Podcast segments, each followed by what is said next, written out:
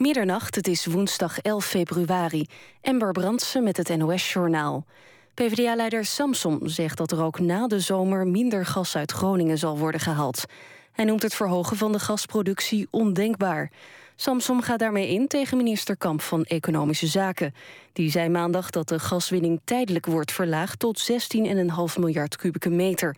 Op 1 juli neemt Kamp een besluit of de gaswinning daarna weer wordt verhoogd naar de eerder geplande 39,4 miljard kub. President Obama heeft de Russische president Poetin opgeroepen om aankomende dag in Minsk een vredesakkoord te sluiten over Oost-Oekraïne. De twee spraken elkaar via de telefoon. Obama besprak met Poetin het oplaaiende geweld in de regio... aan de vooravond van vredesbesprekingen in Wit-Rusland... tussen de leiders van Oekraïne, Rusland, Frankrijk en Duitsland. Obama wees Poetin op het toenemend aantal slachtoffers... en riep hem op van de gelegenheid gebruik te maken... om een overeenkomst te sluiten met zijn buurland.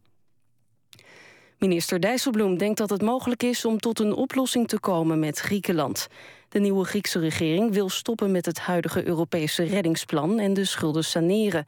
Dijsselbloem is het niet eens met coalitiepartij VVD... die een Grieks vertrek uit de eurozone afgelopen dag reëel noemde. Hij denkt dat er goede afspraken te maken zijn met de Grieken. Het Amerikaanse technologieconcern Apple is bij het slot van de beurshandel in New York voor het eerst uitgekomen op een marktwaarde van meer dan 700 miljard dollar. Nog nooit wist een bedrijf een handelsdag zo rijk af te sluiten. Een aandeel Apple kost nu 122 dollar en 2 dollarcent. De beurswaarde van Apple is nu ruim twee keer zo groot als die van softwarebedrijf Microsoft. Het weer overwegend bewolkt en op de meeste plaatsen droog. Ook aankomende dag droog, met vooral in het zuidoosten zon. Het wordt dan zo'n 6 graden. Donderdag en vrijdag verandert er weinig. In het weekend wordt het wisselvalliger. Dit was het NOS Journaal. NPO Radio 1. VPRO. Nooit meer slapen.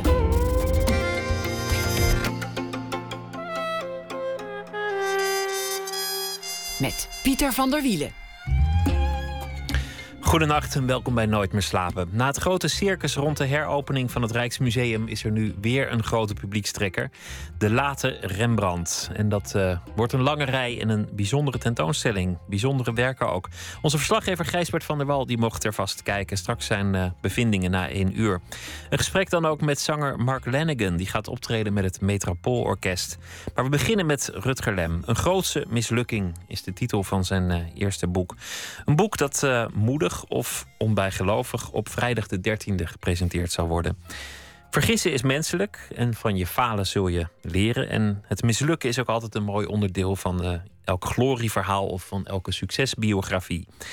Soms kan mislukken ook gewoon mislukken zijn natuurlijk en nergens toe leiden. Rutger Lem is geboren in 1985. Hij is eh, journalist, schrijver, studeerde filosofie en geschiedenis. Is uh, redacteur van online magazine Hard Hoofd. Schrijft ook voor NRC en De Standaard en andere uh, bladen en kranten. In zijn boek beschrijft hij zijn uh, lange en moeilijke weg naar het volwassen leven aan de hand van de vele mislukkingen die hij onderweg uh, beging en tegenkwam. En dat doet hij zonder schroom of zonder zichzelf te sparen. Welkom, Rutger. Dankjewel. Heb je geaarzeld op enig moment van, van mm, moet ik dit nou wel doen? Uh, ja, en ook wel veel dingen geschrapt waarvan ik dacht, dit moet ik niet doen. Dit gaat toch te ver? Ja, ja het moet natuurlijk geen uh, exhibitionisme worden. Als je een boek wil schrijven over, over mislukken en hoe je uiteindelijk nou ja, de weg naar het grote leven vindt aan de hand van mislukken, dan kun je het doen aan, aan de hand van fictieve voorbeelden, maar dan maak je gewoon een, een overbodig boek misschien. je kunt het doen aan de hand van anderen, maar ja, dan ben je een beetje arrogant bezig, dan, dan wijs je met je vinger. Ja. Je kunt het doen aan de hand van jezelf, maar dan moet je ook echt het doen. Dan moet je ook echt al je mislukkingen aan dat papier geven. En dan, dan kun je niet jezelf sparen. Nee. Dus in die zin was het een noodzaak om, om al je mislukkingen ook op te schrijven. Ja, zeker. Ja, nee, ik, uh, ik had ook wel een beetje als soort stelregel tijdens het schrijven van dat, dat ik nooit de winnaar mag zijn. Dus elke keer als, als ik een beetje een, een, een moralistisch overwinningstoontje dreigde te krijgen, of als iemand anders iets meer voor lul stond dan ik, dan moest ik dat toch wel even recht trekken door dan even nog erachter te gaan zitten van... nou, volgens mij sta je helemaal niet zo stevig in je schoenen in deze situatie... als je, als je nu uh, voor doet komen. Dus... Uh, het is bijna slapstick af en toe. Ja, het, een beetje sadomasochisme. Nee, maar, nee, maar ik, ik denk, ja, ik moet, ik, ik, ik, uh, ik, ik, ik heb, heb wel de neiging om mezelf soms een beetje te serieus te nemen. Dus ik, moet, ik heb een soort ook een mechanisme dat dat dan weer het ook moet corrigeren. Dus, uh, en dat is zeker ook belangrijk om toch wel tot een soort kern te komen. Want anders ben je jezelf alsnog aan het verstoppen. Het kan ook ijdelheid zijn, hè? Wat je uiteindelijk drijft tot het, uh, tot het doen van de ontboezeming. Ja, en dat is, dat is een groot risico. Wat ik al zei, exhibitionisme, dat, uh, dat ligt wel op de loer. Een, een, vriend van mij die zei ooit van... jouw kracht is dat je tijdens het schrijven één voor één... je kledingstukken langzaam voor ons uitdoet maar je moet voorkomen dat je dan daarna op je knieën gaat zitten en je billetjes uit elkaar spreidt. Hij zou ook echt billetjes trouwens. Maar uh, dus daarmee bedoelde hij van ja, het moet wel een functie hebben. Het moet wel algemeen uh, herkenbaar blijven. Want anders is het gewoon ik die uh, vertelt over zijn vieze en, en, en gênante dingetjes. Ja, zullen we maar gewoon uh, meteen van uh, ja, beginnen. Ja. Uh, lange tijd een, een pornoverslaving gehad. Ont, nou. Ontkent ook dat het een pornoverslaving was. dat je op een gegeven moment met je vriendjes zei van... nou, ik kan met alle gemak ook een tijdje niet naar die porno kijken. En dat je toen, nou ja, toch na een week of twee... ook, ook je tientje in de pot moest doen. Zeggen, nou, het is, het is, niet, het is niet gelukt. Ik, ja. ik kwam toch weer in de verleiding. Ja. Lange tijd kon je niet klaarkomen in bijzijn van iemand anders. Mm -hmm. dat, dan, dan lukte dat wel... Uh, als je de hand aan jezelf sloeg met, met die porno, maar in gezelschap van anderen, zelfs als je, als je echt van haar hield, dan, dan lukte dat niet. Tot je mm -hmm. dacht van ja, ik ben raar, dit is een vrouwenprobleem, ik ben een man. Mm -hmm. uh, je beschrijft ook dat, dat je toch moeite hebt om, om je, je behoefte te doen in het huis van je vriendin. Dat je dan met, met een smoesje snel op de fiets naar huis gaat. Om, om daar lekker op, op de vertrouwde pot uh, te gaan zitten schijten. Want, want in de buurt van je vriendin heb je er geen zin in. Ja. Nou, ik, ben, ben ik nog dingen aan het vergeten? Ja, nou, het gaat wel. ook over, over, over Nietzsche en, uh, en uh, Flaubert, Flaubert en ja. uh, maatschappelijke problemen. Maar inderdaad ook over kleine lichamelijke en seksuele dingetjes. Ja. Dat heb je als eerste geschreven in een artikel voor, voor NRC. Dat, ja. dat over, over die pornoverslaving een keer een stuk. En, dat, en, was, nee, dat was in Vrij Nederland. Dat maar, was in Vrij Nederland ja. en een stuk in NRC over, over, dat, over dat klaarkomen. Ja. Wat was toen de reden om, om daar een stuk van te maken? Waarom dacht je, goh, dit, is eigenlijk iets wat ik, wat ik wil delen of wat ik, wat ik wil opschrijven? Uh, ja, dat is een goede vraag. Ja, je schrijft natuurlijk altijd ding, dingen over. Je schrijft altijd over dingen die je al verwerkt hebt. Uh, eigenlijk, degene, de, het personage in mijn boek is ook. Uh, ik noem het ook een personage. Is ook eigenlijk ik, maar dan vijf jaar geleden uh, ongeveer. Um, dus dit was wel echt iets waar ik wel overheen was. Uh, maar wat nog steeds uh, een bijzonder verhaal was. Ook als ik erover vertelde aan mensen, dan hadden ze zoiets van: hè, maar dat hebben mannen toch helemaal niet. En, en toen ging ik er steeds meer over nadenken. En toen, toen als je het over het orgasme-ding hebt, toen, toen dacht ik toch wel van ja, dit, is, dit, dit zegt misschien ook wel wat over uh, genderverhoudingen. En, uh... Dat het zo als een vrouwenprobleem wordt gezien. Ja. Het, het, niet kunnen bereiken van het orgasme, terwijl Ja. dat ook onder mannen voorkomt. Ja, Er komen ook statistieken in een stuk voor uiteindelijk. ja, ja. ja, dat moet dan van de krant. Maar Ja. die heb ik er wel ingehouden. Oké. Maar. En, eh, nee, en toen was ik natuurlijk al een beetje in die, in die stijl aan het werken van eh, eh, ja, een beetje gênante plekken voor, ook voor mezelf opzoeken. En dit was dan wel. daar had ik toen ook de ruimte voor gekregen. En dit was dan een onderwerp van ik dacht, nou, dit, misschien, misschien willen ze dit ook wel. En tot mijn verbazing was. en zijn nek stond er, stonden ze ervoor open. Ja. Interessant, want het is een, een probleem dat vaak beschreven is eh, bij vrouwen. eh, wat, wat ook in, in de, de vrouwenbladen vaak, vaak voorkomt. Ja. In, in de jaren 60 en 70 waren er heel veel journalisten, dat heette dan feministisch, die dat aan de hand van hun eigen liefdesleven opschreven. Maar bij mijn weten is er, is er nooit een man geweest die over zijn niet klaarkomen een stuk schreef. ja. Bij mijn weten, maar ik, kan- ik kan iets missen. Vertel eens hoe, hoe dat zat. Wat, wat was er aan de hand? Ehm, ja, het is eigenlijk gewoon heel simpel. Eh, waar, waar, waar- normaal eh, tijdens de seks een soort eh, hoogtepunt is, waarbij je daarna dan weer op aarde landt, bleef het bij mij zo eeuwig tegen, de, tegen, de, tegen die climax aanschurken. Het is niet impotentie in de strikte zin dat het, dat het allemaal niet werkte. Oh was- nee, nee, het nee. werkte prima. Ja, tot, tot, tot eh, pijn aan toe. Ja, je, je was gewoon. ehm, je Ik kon eeuwig doorgaan. Je Ja. kon eeuwig doorgaan. Je was ook te, dat schrijf je uiteindelijk te gericht op die ander. Ja, dat is een deel ervan. Ja, zeker. En pas als je dat losliet, eh, omdat je dan een keer boos was... of omdat je dacht, ik ga gewoon lekker voor mezelf... Ja. dan lukte dat. Ja, het heeft uiteindelijk natuurlijk te maken met losmaken, uh, loslaten van controle. En, uh, en ook wel een bepaald verantwoordelijkheidsgevoel naar, de, naar die ander. En als je alleen maar aan het kijken bent in haar ogen of, of zijn ogen... zo van, oh, vind je dit wel lekker, voel je wel op je gemak... ja, dan ben je natuurlijk helemaal niet in staat om je te verliezen in, in, in, in waar het om gaat. Heeft dat iets te maken met die porno? Ja, ik denk dat dat uiteindelijk ook uh, wel, wel zo zijn invloed heeft gehad, ja. Um, ja, zeker omdat ik dat op vrij vroege leeftijd al heb ontdekt. En ook wel misschien voordat ik dingen met meisjes deed.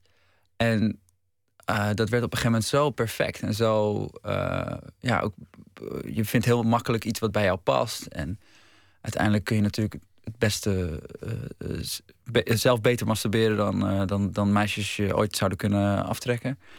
Mag ik het zeggen op de radio? Aftrekken? Ja, nou ja, het, is, het is nu na twaalf, dus okay. de jonge luisteraars zijn allemaal naar bed. Hè? Het zijn volwassenen. Ja. Iedereen begrijpt waar het over gaat. Ja, nee, precies. Nee, maar dus, dus, dus dat, uh, dat, is, dat was wel echt, echt wel, dat is wel een risico. Dat het op een gegeven moment uh, ook een makkelijk alternatief is. Want uiteindelijk is seks natuurlijk ook iets waar ongemak bij hoort. En, uh, en een bepaalde intimiteit en blootgeven. En dat hoeft allemaal niet met porno. Grappig, omdat er, dat er altijd veel kritiek is op porno. Vanuit allerlei hoeken. Vanuit ja. gelovige hoek en vanuit moralistische hoek. Um, het wordt ook vaak een beetje weggewuifd als, als, als zijnde preuts. Van nou ja, en je beschrijft zelf dat je eigen vader je nog wel streng toespreekt over, uh, over die porno. Terwijl jij weet wat hij zelf onder zijn bed heeft liggen. Dus dat je denkt, ja, als opvoeder heeft hij hier toch een dubbele moraal. Maar hier sluit je je eigenlijk een beetje aan bij die kritiek. Uh, nou, dat, dat aan de ene kant was ik daar altijd heel erg op tegen. Juist een beetje misschien te fel. Maar uiteindelijk ontdekte ik dan toch wel dat het ook niet helemaal uh, zonder invloed is. Alleen natuurlijk, ik, ben er niet, ik heb er geen moralistisch uh, bezwaar tegen. En ik denk ook niet dat, dat, dat, uh, dat je van porno een verkrachter wordt. Of, of dat dat heel veel invloed heeft op hoe jongeren in elkaars gezicht aan het spuiten zijn de hele dag. Ik ben, zo ver gaat het niet. Maar, het is, maar, maar natuurlijk heeft het wel invloed zoals elke technologische, invloed, technologische ontwikkeling, ontwikkeling invloed heeft op onze op ons hoofd. Maar ik wil nog wel zeggen, ik ben niet, uh, denk niet echt, ook niet echt verslaafd geweest. Maar het heeft wel, ja, het is denk ik net zo'n verslaving als, ja, op je telefoon kijken of zoiets. Ik bedoel, dan kan je ook best op vakantie gaan en het een week niet doen. Dus een beetje, ja, er, is, er is in die zin ook wel een soort verslavingsinflatie. Dat, dat, dat ja, dingen zeker. al vrij snel een inflatie of, of een, een verslaving, een verslaving ja. worden genoemd. Ja. Dat als je, als je iets elke dag doet, dan zal het wel een verslaving zijn. Ja, precies. Terwijl ja, als, je, als je drie keer in de week doet, dan is het, dan is het meer eerder een gewoonte. Ja. ja, dat zou je kunnen zeggen. Is het ook een beeld van jouw generatie, dit, uh, dit boek? Uh, absoluut. Ja. Want, want die porno is, ja, uh, vroeger, vroeger waren het boekjes of, uh, of banden die je dan bij de videotheek achter een gordijntje moest, uh, moest kopen. en dan, nou ja, dan was die drempel al zo hoog, dat deed je niet. Want dan, dan moest je eerst vijf films van Tom Cruise om er eentje tussen te verstoppen. Dan, dan was de lol er wel vanaf. Ja. Toen kwam de, de modem. Dan, dan was je een half uur in gesprek. En dan moest je later tegen je vrouw zeggen dat je dat je, je moeder had gebeld.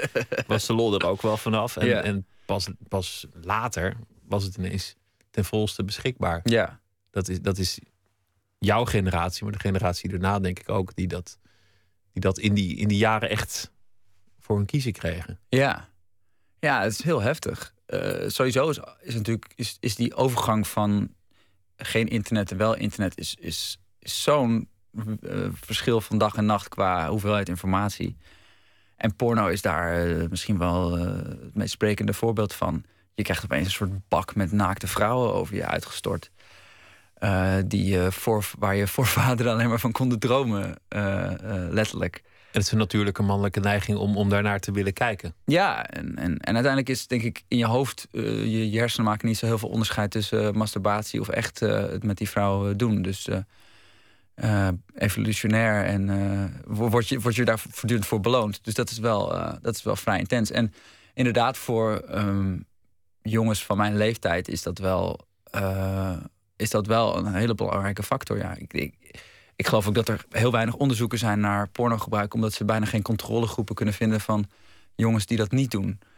dus dat zegt wel genoeg.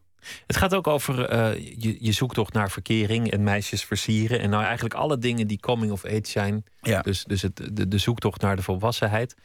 Dat mislukken is, is een, een, een, rode draad in het boek. Maar het is ook een rode draad in, in elke biografie van een, iemand die een groot succes is geworden. Ja. Sylvester Stallone, die wel drie jaar met het script van Rocky onder zijn arm door Hollywood zwierf. Tot hij bijna zijn huis uit werd gezet. En uiteindelijk lukte het toch. En, en al die mislukkingen, daar begint die biografie, natuurlijk. Ja. Wat was voor jou de reden om je mislukkingen op te schrijven? Wat, wat wilde je eigenlijk laten zien? Mm, ehm, nou, ik heb niet zozeer daar van tevoren al zo'n voor opgezet plan van gehad. Het was meer zo dat ik, dat ik eh, zeker sinds ik eh, weg ben gestuurd bij Comedy Train, of nou ja, toen mijn proefperiode daar eh, niet verlengd werd. de- en de kritiek daar altijd was van je laat niet genoeg van jezelf zien. Je, bent, je staat een opdracht uit te voeren op podium. Je vertelt een grap, maar wij voelen hem niet. We, Ja, we hebben niet het idee dat je jezelf blootgeeft. We hebben niet het idee dat die grap Ja. echt iets voor jou betekent. Ja, ja, ja je, st- je staat een opdracht uit te voeren. In feite. Je, je beschrijft bijvoorbeeld dat je een grap maakt over, over de iPhone.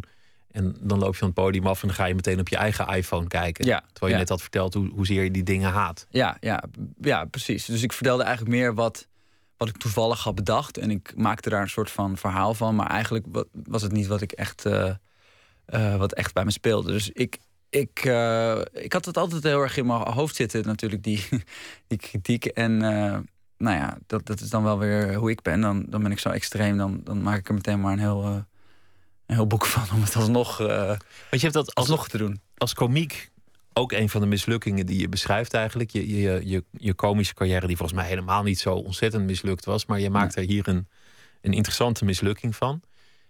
Daar heb je geleerd, je, je moet jezelf geven. Je moet daar echt bij wijze van spreken naakt op het podium staan. Ja. En jouw helden in het genre, eh, Woody Allen, Louis C.K. Dat soort mensen die doen dat ook heel erg. Ja. Louis C.K. is voor mij wel echt een soort, ehm, ja, een soort omslagpunt geweest. Dat ik zijn werk ontdekte en, en hoe hij met eh, zijn eigen kwetsbaarheid omgaat. En elke keer maar weer al die grappen ook weggooit elk jaar. Zodat hij weer opnieuw bij zichzelf moet graven. Dat, dat vond ik wel echt enorm inspirerend. Dus eh, ik was op een gegeven moment ook echt helemaal verslaafd aan alles wat met hem te maken had. Dat ik echt gewoon de hele dag interviews van hem aan het lezen was. Ik zeg ook hem alsof ik het met een hoofdletter zeg. Eh, en dus eh, ja, nee, dat is ook wel zeker een hele grote inspiratie voor mijn manier van schrijven, zoals ik dat nu doe. En vandaar ook dit, eh, dit boek. Ik wil straks eh, het met je hebben over ook een, beetje over je generatie en over de journalistiek. Maar we gaan luisteren naar James Vincent McMorrow. Dat is een Ierse singer-songwriter. Hij is eh, bekend vanwege zijn falsetstem en vanwege zijn eh, minimale arrangementen. Het debuutalbum heette Early in the Morning. Het nummer heet Hear the Noise That Moves So Soft and Low.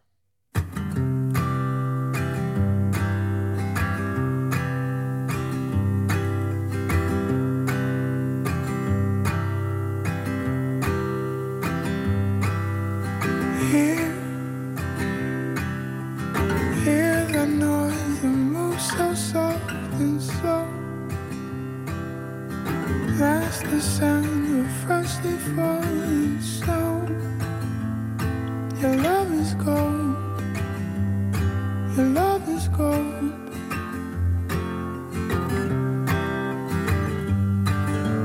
Seems Seems as though we're stuck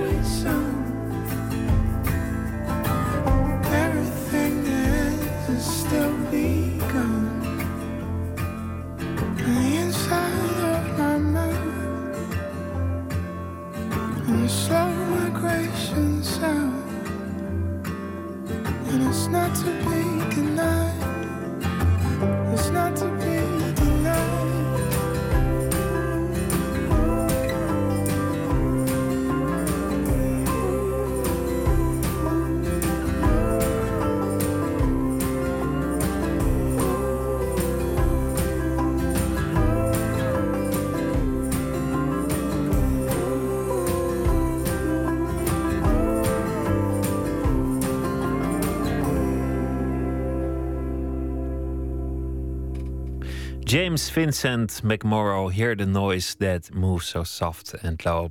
Rutger Lem zit hier. Ehm, een grootse mislukking is eh, de titel van het boek waarin hij eh, nou ja, de weg des levens tot nu toe eh, beschrijft aan de hand van zijn vele mislukkingen.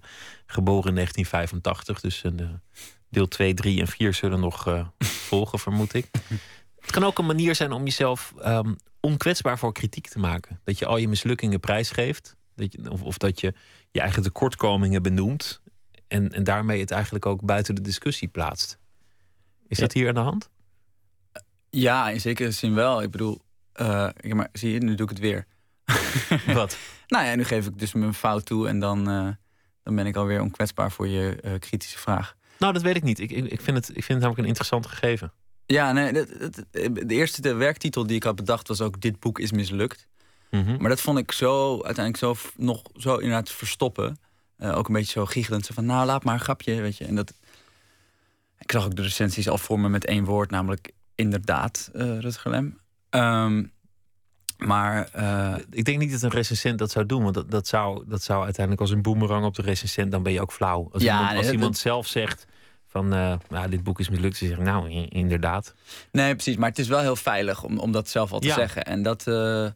Het is, het is nou onveiliger om je grootste successen op, op te schrijven. Want dan zou, daar zouden mensen je kunnen raken en zeggen... nou, zo goed was het niet. Of ja, volgens mij valt het wel mee. Of, of waar blijf je eigenlijk? zoals Ivonie. Ja, die, die dan door het hele land naar beneden wordt gehaald. Omdat hij zegt, nou, ik, ik heb hier als kind van gedroomd. Het is me nu gelukt en, en ik gloei van trots. Ja, nou ja, het is een beetje... Ik vond dat hij gelijk had. Ja, misschien wel. Nou ja, maar het is een beetje dubbel. Want aan de ene kant ja, vind ik je mislukkingen delen is wel eh, onveilig en, en kwetsbaar. En dat was het voor mij ook. Zeker, want ik zou, ik zou Maar- dit boek zelf bijvoorbeeld... en ik denk, denk vele mensen met mij... ik zou dat nooit opschrijven. Nee. Terwijl heel veel dingen zijn volgens mij zo universeel als maar zijn kan. Maar ik denk, nou, ja, weet je, Nee. ik zou het niet snel doen. nee, maar je moet wel. Ik, ik, ik, Die heb moed heb ik dan niet. En, ja, Nou ja, maar kijk, ik heb dat zelfbewustzijn wat, wat ik heel erg heb. En dat is misschien wel een generationeel ding. Eh, Lina Dunham, de schrijfster van Girls, die zegt ook altijd van... niemand kan mij ook beledigen, want ik heb dat zelf al, eh, al een jaar daarvoor al bedacht. eh, wat, wat mensen allemaal kunnen zeggen. En, en dat, dat heb ik geprobeerd om in te zetten. En om dus ook heel erg juist tot, tot een stijlmiddel te maken. Maar je moet wel oppassen. Nou ja, ik moet oppassen dat het niet een soort trucje wordt. Waardoor het eigenlijk weer helemaal niet eh, onveilig. Inderdaad. Waardoor het gewoon eh, voor mij ook heel makkelijk wordt om te zeggen van nou, hey, ik heb gisteren eh, gemasturbeerd onder de douche en ik gleed uit over mijn eigen zaad. Weet je wel? En, en dat het niks meer betekent op een gegeven moment om dat soort zogenaamd kwetsbare dingen te, te zeggen. Maar dat is wel het mooie aan dat het dan nu gewoon er is. Mijn vriendin zei laatst ook nog van nou, nu kan je opeens een stuk minder anekdotes vertellen tijdens etentjes en op feestjes. En eh, nou, moet ik dus weer nieuwe dingen. Het wordt, het wordt ook als, als kritiek opgeschreven. De, de- ik, ik hoorde een eh, radiodocumentaire van Botte Jellema over het onderwerp. Er was een, een essay van Joost de Vries. Er stond eh, vandaag in NRC weer een essay over het onderwerp. De ironie van een generatie. Een generatie die zich niet schuldig maakt aan dingen, maar eigenlijk alles met een soort ironie indekt. Ja. Die, die eigenlijk geen, niet thuis probeert te geven. Ja. Her- Herkende je dat? Ja, ja, ik heb ook nog met Joost eh, in, een, in een debat daarover gezeten in de Bali. En eh, ik, ik kan me daar ook enorm aan erg. eh, en ik doe, ik doe er zelf ook wel aan mee. Maar inderdaad, dat hele. ja, zoals mijn eerste titel was: zo van. Ik meen het, maar ik meen het ook niet. Of ik ben fan van iets, maar alleen maar omdat het niet zo'n goede smaak is. Ex expres lelijke muziek draaien omdat het zo lekker lelijk is. Of Ja. naar avonden gaan waar ze, waar ze opzettelijk eh, nou ja, vergeten merkwaardige hits uit het verleden draaien. Of kleding aandoen die je zelf ook een beetje raar vindt. Een, een permanente ironie om je achter te verschuilen. Ja. Zodat je niet kwetsbaar wordt. Ja, nou ja, maar dat is dus iets wat ik wel heb, met dit boek heb proberen te doorbreken. Uh, misschien was ik op het podium van Toemler ook wel iets te ironisch. en nu, ja, dit is een soort zoektocht naar, naar, naar een manier daardoorheen. Maar het is wel lastig als je uh, lid bent van een, uh, een leeftijdscategorie die postmodern wordt genoemd. Die dus alles, waar, waar dat alles al gedaan is, hè, natuurlijk. daar word je ook een beetje ironisch van. En je ouders wilden heel graag trots op je zijn. Dat, dat is volgens mij ook typerend voor jouw generatie en de generatie daarna. De, de grote gevechten met de vorige generatie die waren eigenlijk opgelost. En de ouders die wilden vooral bij een voornaam genoemd worden. En, en zo gauw het ook maar enigszins kon, trots zijn op dat kind. Ook al had dat kind eigenlijk niks noemenswaardig gedaan nog. Het is grappig dat je dat zegt. Want mijn broertje en ik die noemen onze ouders ook gewoon bij een voornaam onderling. Dat vinden mensen altijd heel raar. Ik zeg nooit, ik zeg nooit papa en mama. Ik vind het nu zelfs een beetje gek om dat te zeggen. Maar nee, dat is wel waar. Nee, natuurlijk de jaren negentig waarin ik ben opgegroeid. Dat was een tijd van ongekende eh, luxe. En de, de babyboom generatie van mijn vader niet van mijn moeder, die is natuurlijk jonger. Um, dit is denk ik de rijkste generatie die er ooit geweest is en die er misschien wel ooit gaat zijn. Want uh, wij hebben het alweer minder. Um, dus ja, die, die luxe, dat, dat, daar ben ik heel blij mee en heel dankbaar voor. Ik bedoel, ik, ik, ben, ik ben opgegroeid in de tijd dat, dat mijn favoriete voetbalclub de Europa Cup 1 echt won. Dus nou ja, dat, utopischer kan het bijna niet. En uh, dat Jurassic Park uitkwam en de dinosaurussen gewoon weer terug op aarde waren. Um, maar uh, ja, aan de andere kant, weet je, elk voordeel heeft natuurlijk een zijn nadeel. Uh, brengt dat ook wel een bepaalde druk met zich mee. Mijn ouders zeiden altijd van, al word je timmerman, we houden nog van je. Ja, en, dat, is, dat, is, dat is typisch zo'n zo'n uitspraak. Ja, ja, en dan denk je van, oké, maar eigenlijk zeggen jullie, uh, hier, heb je heel, hier heb je alles wat je kan worden. Maak nu ook maar een goede keuze. En dat is wel... En ik las laatst een ingezonden brief van iemand die zei, nou, ik heb antropologie gestudeerd. En ik heb er enorm spijt van. je zou kunnen zeggen, het is ook een, prachtige studie. En je, je bestudeert de wereld en de volkeren. En er is enorm veel over te leren. Maar die zei, ja, had ik maar iets gestudeerd...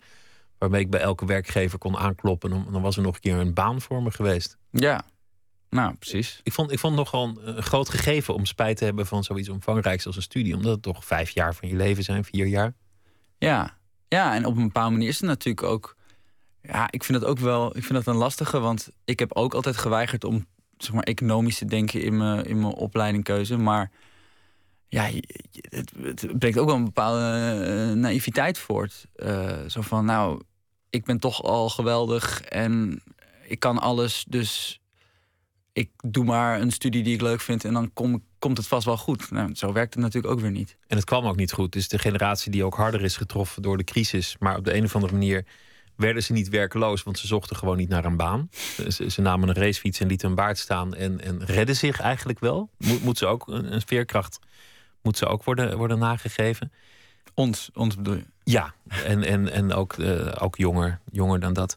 Je wilde ook beroemd worden. Ook een hilarisch uh, deel van het, van het boek. Mm. Dat, dat, is natuurlijk ook grappig dat je je weg naar de roem ligt, ligt bezaaid met, uh, nou ja, je beschrijft een mislukt interview met, met Eva Jinek bijvoorbeeld. Die, uh, het lag niet aan Eva overigens, maar aan, aan, de andere gast die gewoon het podium nam en jij, jij kwam er niet tussen. Is dat een ambitie die je, die je werkelijk gekoesterd hebt om, om in de aandacht te komen? Um, nou, het heeft wel een beetje te maken met waar we het net over hadden. Is dat, dat, dat uh, als je zo bent opgevoed met het idee dat je zo bijzonder bent, en zo vanzelfsprekend bijzonder misschien ook wel, uh, dat maakt een beetje lui. Hè? Um, maar tegelijkertijd, uh, in mijn geval, ik ben behoorlijk, uh, ik heb behoorlijk narcistische neigingen. En dat had ik vanaf, uh, vanaf kinds af aan al. En zeker ook omdat ik de oudste thuis ben. Dus ik was altijd aan het woord. En tegenover mij aan de eettafel hing een grote spiegel waar ik dan echt letterlijk als een soort narcissus in, in, in, in keek terwijl ik aan het, aan het praten was. Um, dus ja, die behoefte aan meer en meer en meer uh, aandacht en bewondering, dat zit er, dat zit er, wel, uh, dat zit er wel in. Ja. Aandacht is meestal ook, ook iets tragisch, waar, waar we het al eerder over hadden, dat je, je zoekt aandacht, maar daardoor kan je eigenlijk op je bek gaan, of, of, of kan je heel erg voor, voor paal staan, of, of krijg je juist heel veel kritiek die, waar je misschien voor op de vlucht bent of, of geen zin in hebt. Aandacht is denk ik iets waar je niet vanzelfsprekend naar moet streven, terwijl veel mensen dat wel doen. Ja, zeker. Het, risico is natuurlijk op lege aandacht. En uh, ja, misschien zit er ook wel iets in dat je uh, ook, ook, ook uiteindelijk dan die twee extremen heel erg verlangt. Dus aan de ene kant uh, heel veel en heel veel met heel veel mensen en heel veel liefde. En, en zodat je dan de volgende dag weer alleen bent en, uh, en uh, daar weer naar kan verlangen, zeg maar. Dat op en neer gaan. Ja. De, de extreme bedoel je? Ja. ja. De, het politieke engagement uh, komt er vrij kort ook in langs. Van, van, nu, nu, zijn we geëngageerd, nu hebben we een missie. je loopt mee in een, in een demonstratie, je staat dus op een plein. Maar eigenlijk was dat een heel kort leven beschoren. Ja. Hoe ging dat? Ja, dat, ja dat, ik beschrijf daarin eigenlijk een beetje mijn, mijn, mijn, mijn, mijn, zoektocht naar dat engagement en, de, en de, ja, het gebrek aan overtuiging wat daar bij, bij komt kijken. Dus elke keer dan, dan, nou, dan sta je inderdaad bij zo'n demonstratie of dan uh, voel je met een speech van Obama weer geestdrift. En dan, uh, ja, dan, gebeurt er weer iets waardoor je toch, waar, je, waar je toch cynisch op reageert of waardoor je toch weer teleurgesteld wordt. En ja, ik weet niet. Ik ben. Ik, ik, die hele, dat hele mooie, inspirerende grote verhaal, daar, dat, gaat er bij mij toch niet meer in. Dus het zal op kleinere manieren moeten. Dat grote, inspirerende verhaal, eh, los van dat het er niet meer in gaat, het is er misschien ook gewoon niet meer.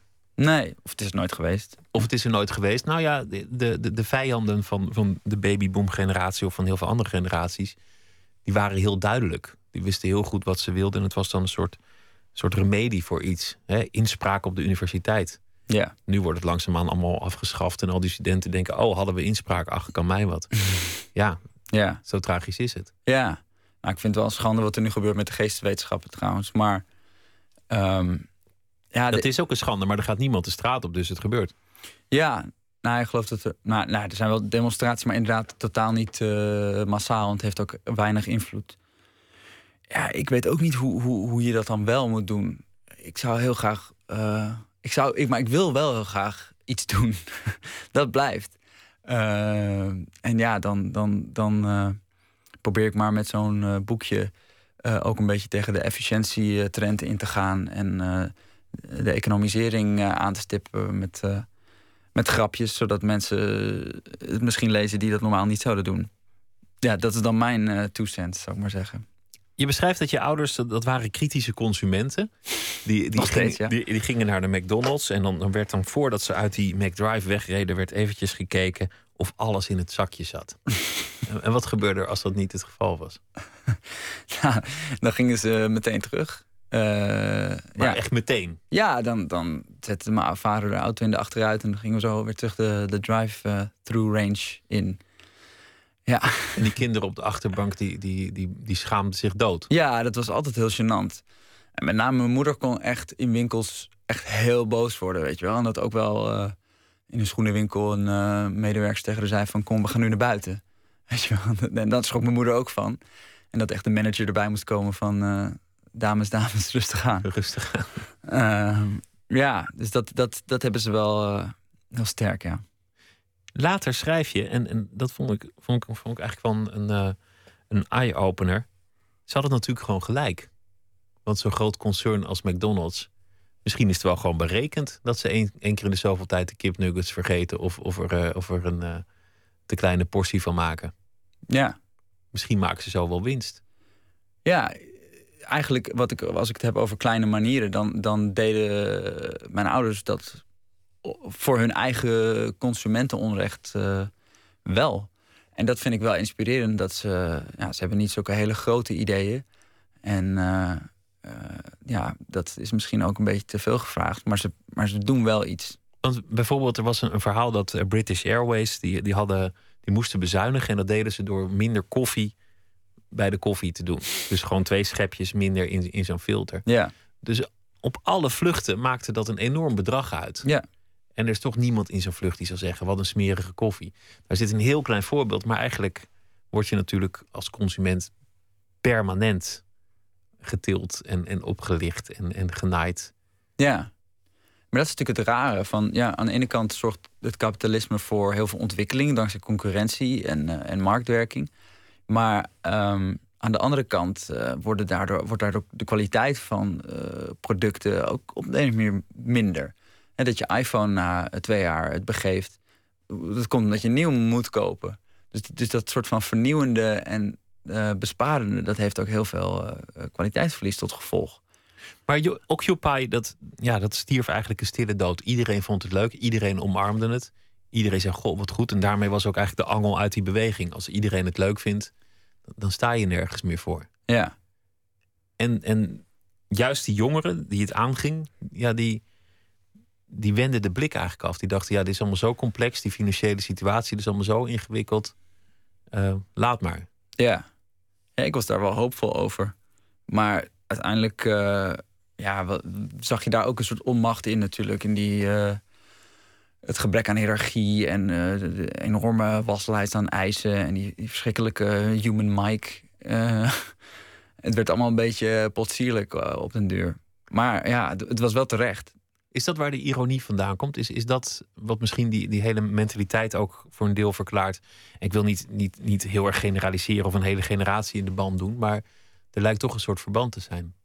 Ja, ik, heb, ik ben onlangs naar de voorstelling uh, Viva la Revolution of zo van um, Emilio Guzman geweest. Daar heeft ook de Nederlandse Hoop eh, voor gewonnen. En dat gaat heel erg over zijn zoektocht naar. Ik, ik, ik ben tegen. Ik, ik, ik word heel erg boos van de bezuiniging in de zorg, maar toch doe ik niks. En, en dat ironische, ja, dat is een soort uh, laagje, een soort beschermingslaagje bijna om je heen, waar, waar, je, waar je niet doorheen komt. En ja, dat zie je ook wel aan hoe, hoe ik dan over Occupy alweer praat. Dat, daar heb ik alweer een soort van van me afgeduwd. Ja. Dan is er nog de ambitie in het eigen leven. Want, want daar ontbreekt het je eigenlijk niet aan. Je, je, ik, ik noemde aan het begin je, je online um, medium, Hard Hoofd, waar je, waar je hoofdredacteur van bent geweest. Je zei op een gegeven moment, dit moet, moet gewoon een enorm journalistiek portal worden. De volkskrant van de toekomst. We gaan radio en televisie en het web maken. En we gaan uh, kranten. We hebben nu 30.000 uh, bezoekers. En we, willen toe naar nou, zeker het, het vijfdubbele. Daar was je aller, allerminst bescheiden in in, in, die, in die tijd. Is, dat, is dat nog steeds zo? Is die ambitie er nog? Met hard hoofd? Of in het algemeen, jouw, jouw eigen ja, ambitie? Ja, ik ben wel. Ik, ik, ja, ik kan dat niet zo goed. Uh, ik, ik, ik, ik temper mezelf af en toe wel. En dat doet mijn vriendin gelukkig ook uh, regelmatig. Maar ik heb wel de, eer, de, Mijn eerste neiging is altijd om een beetje te groot te denken en te veel te willen. Ja. Daar gaat het boek ook over. En dan gaat het natuurlijk altijd mis. Um, en met hard hoofd is het gelukkig niet misgegaan, want we bestaan nog steeds. Maar het is ook niet uh, het uh, Europese medium geworden wat ik uh, van hoopte. Kan nog. Het kan nog. Ja. Maar dan maak je je natuurlijk kwetsbaar. Wat als je. nou ja, dat, is iets waar mensen van schrikken. Als je zegt van nou, ik, ik ben moordend ambitieus en, en dit ga ik doen en, en, en, hier sta ik voor. En als het over vijf jaar mislukt is, dan mag je me daarop afrekenen. Dan ben ik mislukt. Nou ja. ja. Wie hoor je dat nog zeggen? Ja, ja, nou, dat, nou dat, dat is dus wel iets waar ik dus blijkbaar niet zo. Dat is een van de weinige dingen waar ik niet, niet zo bang voor ben. Wanneer zou je leven mislukt zijn? Ik bedoel, er is nog tijd, maar. Um, nou, als ik. Uh, als ik uh, per ongeluk een uh, hele lieve baby zou doodmaken. Dat is wel. Dan, dan ja. Dan, als je je eigen morele grenzen bruut overschrijdt, bedoel je eigenlijk? Ja, of ja, nee, dat, dat, dan zou het wel uh, mislukt zijn. Maar ik, ben op zich niet zo heel erg van, uh, van spijt. Hoewel heel veel dingen in mijn leven niet zijn gegaan zoals ik het wilde. Maar ik ben op zich heel blij met, uh, met die grote stoet aan mislukkingen. We gaan luisteren naar de Impressions. Curtis Mayfield, voordat hij solo enorme hits scoorde en prachtige albums maakte, was hij uh, lid van een bandje, de Impressions. 1964 maakte ze dit nummer Keep on Pushing. Keep on pushing. Keep on pushing. I've got to keep on pushing. Mm -hmm. I can't stop now.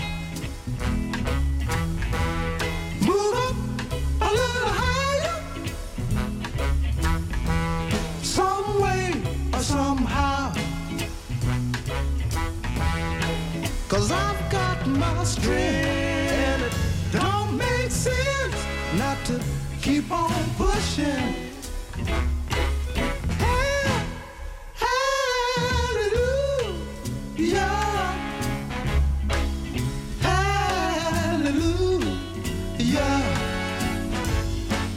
Keep on pushing. Now maybe someday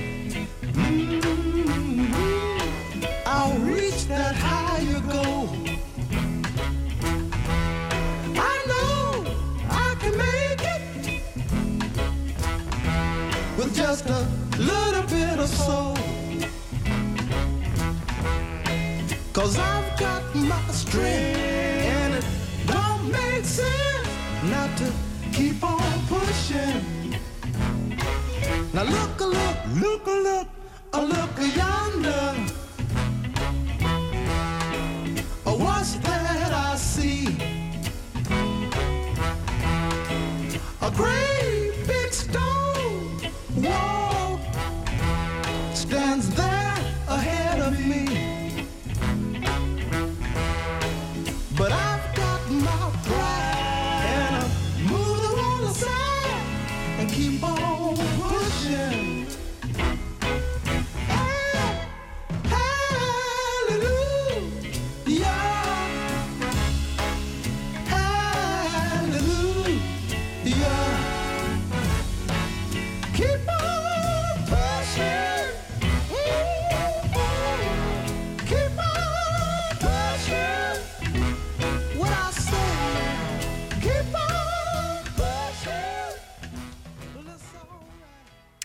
The Impressions met eh, Curtis Mayfield. Keep on pushing. Zijn stem was eh, al duidelijk herkenbaar. Rutger Lem.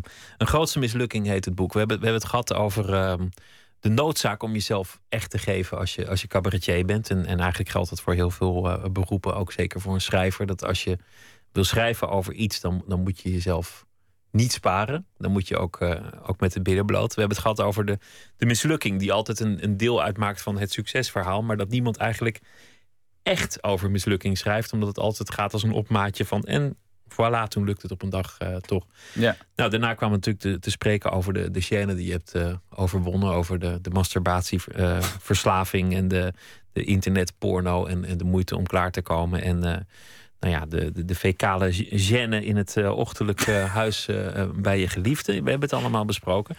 Daarna kwamen we eigenlijk over, over de ironie. De over fecale gêne, dat is heel mooi. Nou ja, dat je, dat je, dat je eigenlijk 's ochtends. nee, ik snap wat je bedoelt. Je, je begrijpt wat ik bedoel. Ja, ja je begrijpt, en iedereen begrijpt wel, denk ik, wat ik bedoel. En daarna hadden we het over de ironie en over een generatie en over het jezelf verschuilen. En, en toen kwamen we over um, de moraal.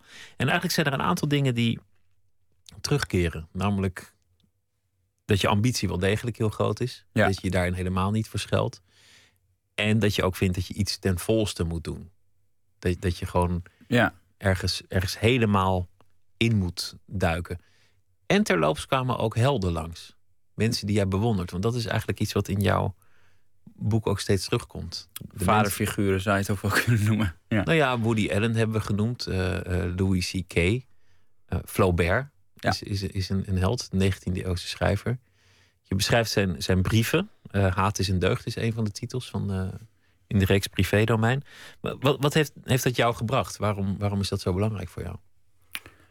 Uh, nou, ik, ik, ik kreeg die brieven eigenlijk uh, te lezen toen ik een beetje herstellende was van, van een burn-out of hoe je het ook wilt noemen. En ik vond zijn, zijn kwetsbaarheid vond ik heel inspirerend. Want ik had van Flaubert altijd uh, het beeld voor ogen van een heel uh, perfecte schrijver. Echt zo'n zo'n instituut. Van, van de grote romans, ja. Bovary. Precies, ja, wow. ja, Maar in die brieven is hij gewoon, een, is hij gewoon net zo'n onzekere, depressieve, cynische zak als ik. ik vond met name het citaat over dat hij, dat hij zichzelf nooit serieus neemt. En dat hij altijd in de lach schiet als hij zichzelf gaat scheren. S ochtends, omdat hij dat zo'n belachelijk, alledaags stom ding vindt. Nou, dat vond ik echt fantastisch. Dat ik dacht van wauw, die man leeft gewoon in de 19e eeuw. En dat, dat kan ik me nog steeds heel goed voorstellen. Dat je voor de spiegel staat en denkt, jezus, wat is het eigenlijk voor iets raars. Hij ging op reis door, door het uh, Midden-Oosten en, en, en, wat we nu de Arabische wereld zouden noemen. Schrijft elke dag zo'n beetje of elke week een brief aan zijn moeder... waarin hij monumenten beschrijft die hij helemaal niet bezocht heeft. Intussen bezoekt hij ieder bordeel waar hij, uh, waar hij maar een beetje in de buurt van kan komen loopt daar de meest verschrikkelijke geslachtsziektes op. En, en op een gegeven moment beschrijft hij ook elke dag opnieuw hoe zijn geslacht eruit ziet. Helemaal zwart aangelopen pus die eruit komt. Nou, de 19e eeuwse geslachtsziektes, die gingen veel verder dan dit. In die zin lijkt het ook wel een invloed op jou als, als schrijver. Qua geslachtsziektes. Nou, niet zozeer de geslachtsziektes, maar, maar vooral het, het jezelf helemaal geven. Dat alles is geoorloofd als het maar tot een, tot een goed boek leidt. Ja, dat, nou, dat, dat heeft uiteindelijk inderdaad, eh, net zoals Louis C.K. wel een invloed gehad op, op, op, op, op die eh, eh, openhartige stijl. En ook wel, ik bedoel, ik, ik, ik zei net wel zo stoer dat ik dat wel durf te staan voor mijn ambitie. Maar eigenlijk was dit, het schrijven van dit boek was helemaal niet zo'n vlot proces. Ik heb een tijdje ook wel heel erg stilgestaan en heel erg veel moeite gehad om door die barrière te breken om echt helemaal voor één project te gaan en echt ook te durven om daarin zelf uh, slechte dingen te schrijven. En Flaubert beschrijft heel vaak dat hij gewoon ook haat wat hij schrijft. En dat, dat het met moeite uitgeperst is. En dat hij vecht met zijn pen en vecht met het papier. Ja, en, exact. En, en, en, en, haat ook soms het, het, proces van het schrijven als het niet lukt. Weken chagrijnig voor ja, die zin komt. Ja, en vaak als je iets leest van iemand die je bewondert... dan lijkt zijn oeuvre ook helemaal perfect. Dan kijk je ernaar en dan denk je van... wauw, die, die, die, man heeft nooit twijfels. Of, nou, of vrouw soms maar in mijn geval vaak mannen. Um, en uh, en als, als iemand dat dan wel uit, dat is een enorme opluchting. Zo van, oh jezus, ik, ik ben niet uh, alleen. Dat is misschien de grootste mislukking die zou kunnen ge gebeuren. Het zou aan de ene kant die ambitie hebben en het gewoon niet durven. Het boek nooit publiceren. Hoeveel ongepubliceerde boeken liggen er niet in, in hoeveel lades en in hoeveel laptops uh, verborgen. Maar ook ja, zo alles geven voor dat boek en dat er dan niets gebeurt. Want dat komt natuurlijk ook heel vaak voor. Ja. Ja, ik, had, ik heb met een vriendin die uh, publiciteit doet voor een uitgeverij... had ik afgesproken om te praten over marketing... en waar je allemaal niet aan ontkomt uh, tegenwoordig. En die zei uh, van, nou, ik wil wel eerst zeggen... van dat de kans dat het niks doet is heel erg groot. ja, zo, zoveel lezers zijn er ook niet. Nee, en, dat is, het is de slechtste tijd mogelijk... om, om, om met zo'n papieren ding op de proppen te komen. Uh, dus uh, dat was wel even een goede reality check. Ook voor mijn uh, megalomane ziel. maar ik hoop gewoon dat het een, een goede basis legt voor, voor, voor tweede en derde. Het is, ja, je ouders wilden trots zijn, die generatie. En ook, ook al kies je ervoor om, om iets heel anders te doen, dan zijn we nog steeds trots op je jongen. Je hebt het gedaan. Dus dat is al, al de eerste bron van trots die, die je moet hebben. Zoveel mensen doen het niet. Zoveel mensen hebben dat boek niet. Maar ja, uiteindelijk hoop je natuurlijk wel op, die, uh, op, dat, op dat mega succes.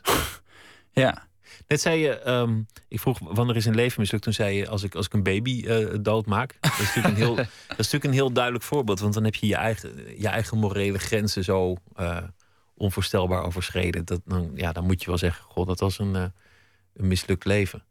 Louis C.K., jouw grote voorbeeld, die, die schrijft op een gegeven moment over de enorme leegte die hij kan ervaren in het bestaan als hij eenzaam over de snelweg raast en naar Bruce Springsteen luistert. Het is een heel grappige scène, maar eigenlijk zit daar, zit daar zo'n enorme waarheid in. Ja. In, in, wat hij daar zegt. Ja.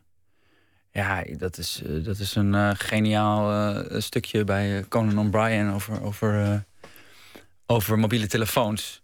Maar ja, nee, natuurlijk. Dat, maar dat, is, dat vind ik ook heel troostend dat hij dat zo durft te zeggen. Zo van, nou, het leven is eigenlijk heel leeg en eenzaam. En en we kunnen ons helemaal niet met anderen echt verbinden terwijl we dat zo graag willen. En dat ook onze enige remedie is tegen die eenzaamheid. En uh, als, als iemand dat gewoon zegt, dan is het opeens ook helemaal niet zo, uh, niet zo erg meer. Hij zei het in een, in een, in een talkshow, waar met, met een band geloof ik op de achtergrond. En, en, uh, en hij maakte natuurlijk de ene grap na de ander. En dan wist hij eigenlijk een vrij oppervlakkig betoog over opvoeden en moet je kinderen wel of geen smartphone geven, wist hij in een, in een paar minuten om te buigen naar dat verhaal. Ja, dat was natuurlijk wel voorbereid, maar. Tuurlijk, ja. tuurlijk. Maar het was ontzettend knap hoe hij, hoe hij dat deed. Ja. Dat zit eigenlijk ook op de achtergrond in veel van die dingen die jij beschrijft. Die, die leegte, de, de moeilijkheid die mensen hebben om verder te komen, om zich te verbinden tot anderen, om, om een reden te geven aan dit bestaan, om, om elke dag maar weer dat bed uit te komen, om de gedachte te hebben dat je het ergens voor doet. Ja. Ja, volgens mij schrijf ik ergens dat volwassen worden is uh, dat je steeds beter beseft wat voor niets onziende chaos de, de wereld is. Dat is, op, dat is misschien ook wel het lastigste aan, aan, aan die uh, werdegang of uh, coming of age, hoe je het ook wilt noemen. Dat, dat je opeens beseft van, oh, al die perfecte eh, verzorging en, en dat, die simpele wereld van eh, vroeger. Nou, dat kan je nog tot je 25ste en sommige mensen wel tot hun uh, 50ste hebben. Dat dat opeens wegvalt. En dan is het opeens eigenlijk een heel breekbare klote wereld. Maar dat heeft ook wel weer heel veel mooie, echte gevoelens. die kan het bieden. Ja. De meeste uh, coming-of-age boeken en films die, die leiden uiteindelijk onder het gegeven dat er, dat er dan een moment van aankomst is. Van nu ben je volwassen of nu vlieg je uit. Terwijl volgens mij de werkelijkheid is, je blijft gewoon kloten. Ja. Ik bedoel, je, je loopt gewoon te lummelen als je 14 bent. Je loopt te lummelen als je 34 bent. En op je 72ste ben je er nog niet uit. Nee. Loop je nog steeds hopeloos te lummelen. Tuurlijk, ja. Nee, het blijft ook gewoon werken. Het blijft ook gewoon werken. Ja. Ja. Nee, maar ik, had, ik heb nu een nieuwe psycholoog. Zo. Nee, daar heb ik al een tijdje niet meer, die heb ik al een tijdje niet meer gezien. Maar in principe is dat mijn psycholoog. En die, die had een hele mooie uitspraak. Die zei van uh, volwassen worden betekent dat je uh, leert genieten van je frustraties.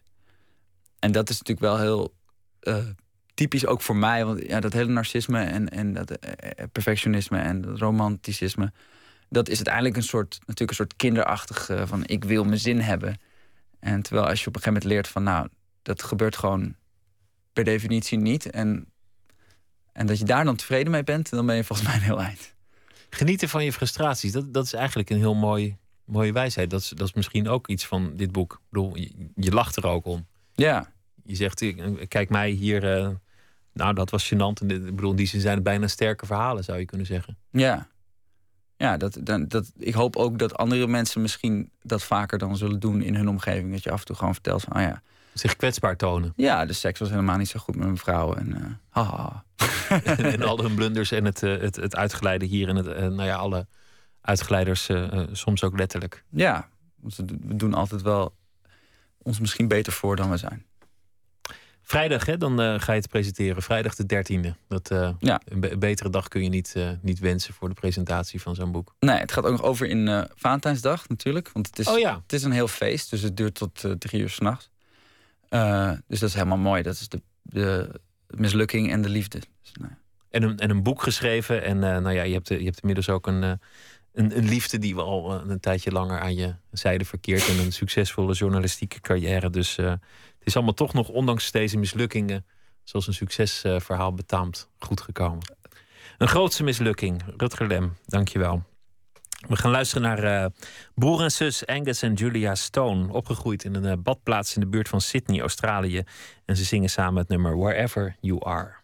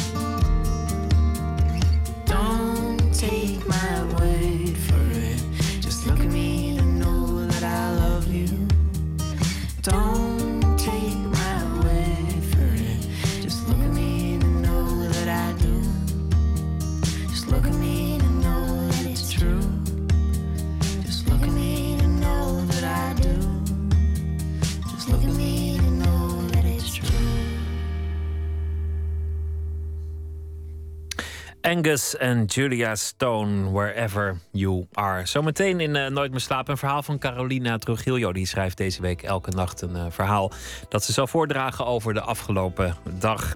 We gaan het hebben over Rembrandt van Rijn... naar aanleiding van de grote tentoonstelling in het Rijksmuseum. Een uh, enorme publiekstrekker met legendarische en spectaculaire werken van de grootmeester uit de Gouden Eeuw.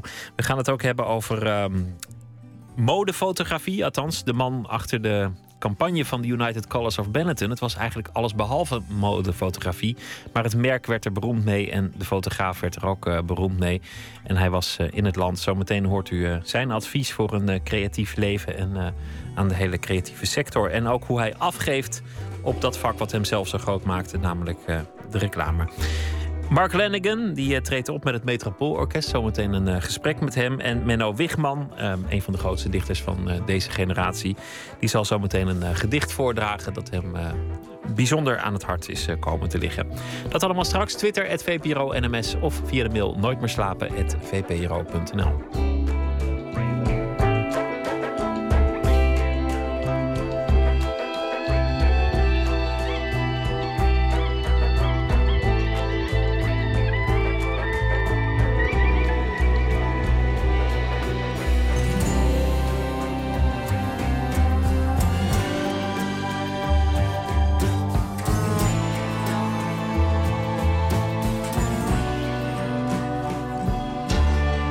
Radio 1. Het nieuws van alle kanten.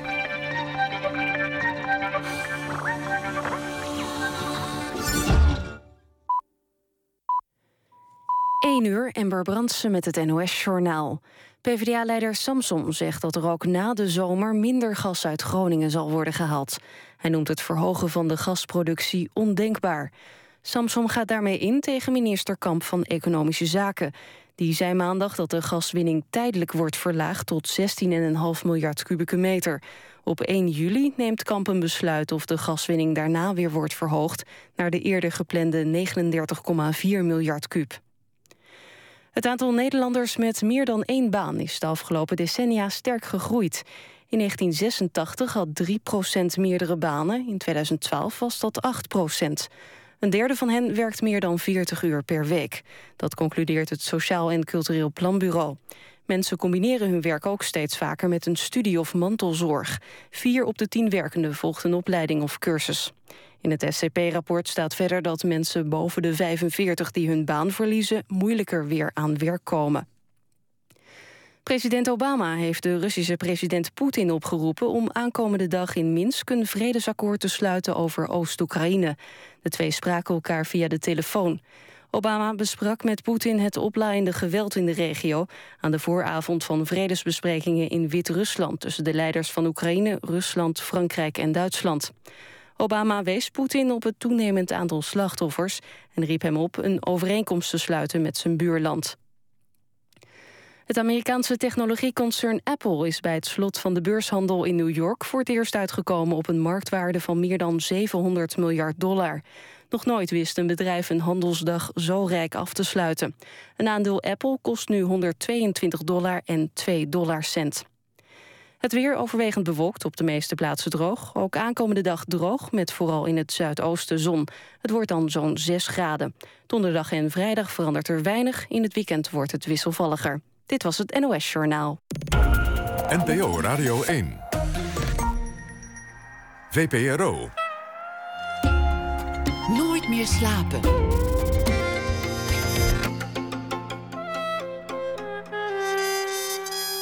Met Pieter van der Wielen. U luistert naar Nooit meer slapen. Carolina Trujillo werd geboren in Uruguay, kwam uh, naar Nederland op haar vijfde. En na het einde van de dictatuur uh, in Uruguay ging ze terug. In 1991 debuteerde ze in het Spaans met een novelle. Toch weer terug naar Nederland, studeerde daar uh, scenario schrijven voor films. En heeft inmiddels ook een paar boeken gemaakt in het Nederlands. De Bastaard van Mal Abrigo en de terugkeer van Lupe Garcia en de Zangbreker. Deze week schrijft ze elke dag een verhaal dat ze na één uur voordraagt. Naar aanleiding van de afgelopen dag. Carolina, goeienacht. Goeienacht. Vertel eens over die dag. Over de dag van vandaag? De dag die achter ons ligt. De dag die uh, roemloos ten onder is gegaan. Ja, dat ging vooral uh, over vissen die verdoofd moeten worden. Oh ja, dat vond ik wel interessant. Ja, Ja, ja, dat vond ik ook wel interessant. Alleen ik heb daar eh, niet over geschreven, niet het verhaaltje over gedaan. nee, maar het was een mooie kwestie. Omdat dat de, de wetenschap zegt dat de vis ook pijn heeft. En ze worden massaal gedood omdat wij ze graag opeten. Maar dan moeten ze ook verdoofd. En toen zei een, een visser, want het gaat ook over viskwekerij. Maar die zei van ja, als ik al die visjes één voor één moet gaan verdoven... dan, eh, dan, dan zijn ze al lang dood eer ik klaar ben. Want ze, ze liggen op het droog. Maar ik denk niet dat dat hoeft. Ik denk dat je waarschijnlijk ook wel iets in het water kunt doen waar al die vissen in zwemmen. En dan zijn ze ook haai genoeg om vermoord te worden of zo. Ik weet het niet. Dat, dat, moet, Ik allemaal, eh, dat moet allemaal wetenschappelijk volmaakt eh, uit te zoeken zijn en, eh, en toe te passen, Ja. lijkt me. Waar gaat het wel over? Want je zei, daar gaat mijn verhaal dan weer niet over. Nee, ehm, ehm, het ging ook een beetje over het afluisteren vandaag. Hmm. Van, ehm, ik weet niet of je dat ook hoorde, eh, over, het, ehm, of, of, ja, over het afluisteren van, ehm, van data. Of dat dan eh, in grote eh, getalen mag worden gedaan of niet. Oh, ik had het vandaag niet meegekregen, maar, maar het gaat er elke dag wel over, toch? Ja, precies. Dus we hebben het er gisteren weer over gehad in de Tweede Kamer. En ehm, daar kon ik wel een verhaaltje over doen. Ik ben benieuwd. Ga je gang. Ja? Oké, komt-ie. Ehm, ik was vroeger taptolk. Een taptolk is een tolk die afgetapte telefoongesprekken vertaalt. Ik had te maken met de Spaans sprekende lijnen. Zuid-Amerikanen, dus allemaal cocaïne. De regisseurs probeerden grote vissen te vangen. Daarom moesten eerst de kleine worden afgeluisterd. En hun vrouwen en de algen. Thuis kon je de afgetapte Colombiaanse keukenrecepten namaken. Om iemand te mogen afluisteren moest er toestemming zijn van de rechtercommissaris. Dan mocht KPN pas een lijntje doorsluizen naar de service van de politie. Eén keer stond een of ander nummer open met een rode aantekening erbij. Er was voor die lijn nog geen toestemming binnen of hij was verlopen of iets dergelijks. De geluidskwaliteit wordt daar niet minder om. Met een koptelefoon op vertaalde ik wat Nemo tegen het sardientje zei.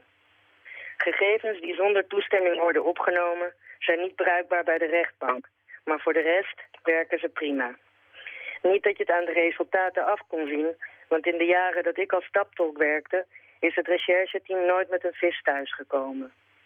Eén keer hadden ze Nemo bijna.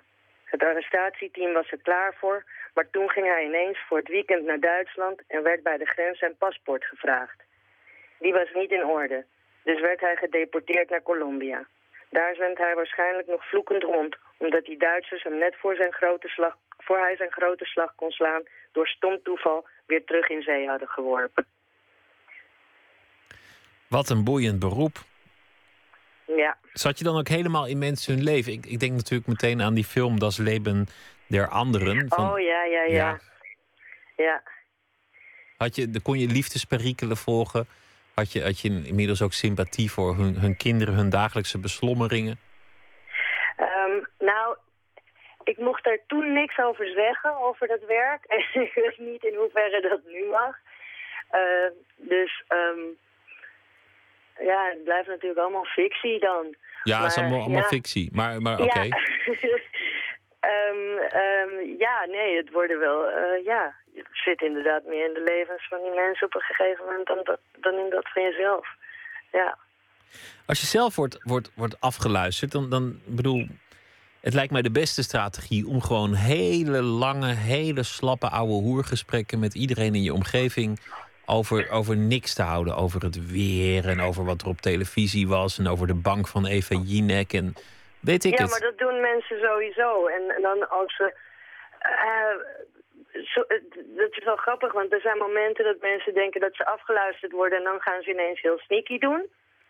Dus dan gaan ze in plaats van dat ze zeggen... ik kom drie eh ons bij je brengen of wat dan ook... zeggen ze ik kom drie cd's brengen. Maar dat komen ze dan wel om drie uur s'nachts doen. En dan, dan weet een beetje rechercheur dat, het, dat dat niet de greatest hits van Barry Manilow zijn. Om drie uur s'nachts bij iemand afleveren. Dus dat is dan wel grappig dat mensen op dat soort momenten ineens in een, een halfgaar codetaaltje gaan praten die iedereen doorprikt. Maar de rest van de dag vertellen ze elkaar gewoon al hun beslommeringen. En eh, van, nou ja, ik heb net naar je programma geluisterd, verkale en zo. Dat komt dan allemaal voorbij op zo'n lijn, zeg maar. Dat vertellen mensen elkaar nog wel eens. Nog iets anders dan het in een boek opschrijven. Hoewel jij volgens mij ook niet van de, de stroming der schaamte bent in je, in je literatuur. Nou, er is niet zoveel ruimte voor in de literatuur, denk ik, voor schaamte. Lijkt me geen goede gewoonte voor een schrijver. Nee. Carolina, morgen weer een verhaal. Voor nu uh, dank en een uh, goede nacht. Graag weer tot morgen. Oké, Dag. Oké, tot morgen. Doei. Ray Barretto kwam uit New York. Zijn ouders kwamen uit Puerto Rico. En uh, hij werd een van de grootste namen van de Latin music. Speelde met grootheden. Tito Puente, Charlie Parker, Celia Cruz. Maakte 50 albums, maar één uh, ding maakte hem hier in Nederland uh, bekend. Want het werd namelijk de basis van een liedje van de Urban Dance Squad. A Deeper Shade of Soul. Hier is het origineel van Ray Barretto.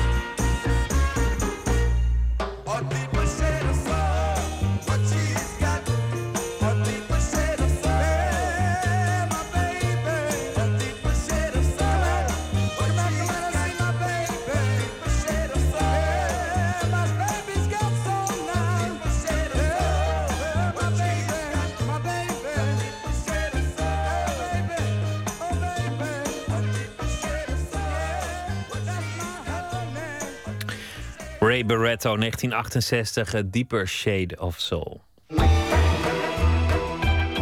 Nooit meer slapen. Het heeft al de nodige aandacht uh, gekregen. Dat is ook uh, de bedoeling, want het wordt een uh, publiekstrekker. Overmorgen gaat hij open. De tentoonstelling De Late Rembrandt in het Rijksmuseum in Amsterdam. 40 schilderijen uit de laatste jaren van Rembrandt van Rijn zijn daar te zien. Topstukken uit collecties in de hele wereld. En dan ook nog eens 50 werken op papier. Verslaggever Gijsbert van der Wal die mocht alvast kijken naar de tentoonstelling en sprak al daar met de samenstellers. Natuurlijk is het Rijksmuseum de mooiste plek waar je deze werken kan zien. Zegt Taco Dibbits, de directeur collecties van het museum. Maar ze zijn zo sterk dat eigenlijk als je ze zou tegenkomen in een garage... dan zou je ook zien dat dit is gewoon absolute top. Je kijkt ernaar en je wordt meteen opgezogen in het doek. Dus tot de illusie van het levensechte, die werkt totaal. En is dat in het late werk dan meer dan in het vroege? Ja, de problematiek van zijn schilderen verandert niet. Hij heeft nog steeds dezelfde obsessies waar hij aan werkt. Maar de wijze waarop hij ze voorstelt verandert wel. En hij komt er eigenlijk achter dat hij veel efficiënter kan zijn. Dus een vroege werk. Hij wordt ook wel de uitvinder van de fijnschilderkunst genoemd. Dus heel gedetailleerd geeft hij elk klein streepje weer. In zijn late werk weet hij dat je hoeft maar heel weinig aan te geven... en wij als toeschouwer zien het. En dat is ja, efficiënt maar ook de meester van het weglaten eigenlijk. Ja, dat is dus grappig dat de uitvinden van de fijnschilderkunst later de meester van het weglaten wordt. Ja, dat is een, lijkt een tegenstelling, maar het gaat altijd erom... hoe kan ik zo levensecht iets schilderen. En dat de oude Rembrandt die levensechtheid met andere middelen bereikte dan de jonge, is dus nu te zien op de tentoonstelling De Late Rembrandt. Waar de beste schilderijen, tekeningen en etsen uit de laatste twintig jaar van zijn leven bijeengebracht zijn. Ja, begin van de jaren 50, dus 51, 52, begint hij losser te schilderen, bredere toetsen. Dit is Gregor Weber, hoofdbeeldende kunst van het Rijksmuseum en mede-samensteller van de tentoonstelling. Dus als je dichterbij komt bij een laat Rembrandtwerk... dan zie je een verfgebruik, die, dat kun je niet voorstellen... dat, dat dit in de 17e eeuw is gebeurd. En dit is het ene. Dus wij zien dat zijn techniek altijd vrijer, altijd losser wordt. Dat hij doorgaat met experimenteren met uh, niet alleen maar de kleur... maar ook bij de etskunst, bijvoorbeeld met de droge naald. Dus dat wordt allemaal veel dieper zwart, dat wordt fluweliger. Hij begint dus niet alleen maar één ets te maken... maar van dezelfde ets maakt hij dan vijf, zes, zeven staten. Hij gaat maar door met experimenteren. Um, het experimenteren is dus iets wat je misschien pas durft... als je al een hele leven als kunstenaar achter de rug hebt. Ik denk dat is echt waar. Dus als je iets los wilt schilderen, dan moet je het ook fijn kunnen. Ja. Anders uh, wordt het ja... Moet e eerst weten hoe het moet en dan kun je dat loslaten. Ja, absoluut. Dat is echt een waarheid die zou iedere kunstenaar zeggen. En Rembrandt deed precies dat. Dit is het ene, dus het is meer een formeel aspect van de late Rembrandt. Maar wat ook gebeurd is, dat de stoom- en drangtijd in het begin... waar hij alles uh, in beweging zette op een stuk... met veel actie en passie en movement. Grote gebaren en... Uh, Grote gebaren. Gezichtsuitdrukkingen. Precies, ja. alles dit uh, kenmerkt dus zijn Theater. Echt toneel. Mm -hmm. um, maar in het later oeuvre, daar beseft hij dat dit eigenlijk niet gepast is voor schilderkunst. Want schilderkunst is toch iets wat stil altijd blijft op het schilderij. Dus een vallend mes bijvoorbeeld, wat hij deed in het vroege oeuvre... dat valt nu sinds 350 jaar, maar is nog nooit... Dat is eigenlijk nooit op de grond terechtgekomen. Op de grond terechtgekomen, nee. Dus in die zin... Maar dat soort actiemomenten, dat, dat doet hij dan niet meer? Nee, hij, hij gaat dus niet meer die actie naar buiten laten zien. Hij keert alles naar binnen. Dat is iets heel moois. Dus dat hij eigenlijk van de passie naar de emotie gaat. De emotie heb je alleen maar in de ziel. Passie iets, iets wat je van buiten afkrijgt. Dus de emotie is een, ja, echt een geheim wapen van de late Rembrandt. We zien mensen in contemplatie. We zien mensen in een innerlijke strijd... die dus alleen maar in de ziel uh, gebeurt. En we zien uh, schilderijen waar ook een moment wordt gekozen na een strijd. Dus de verzoening.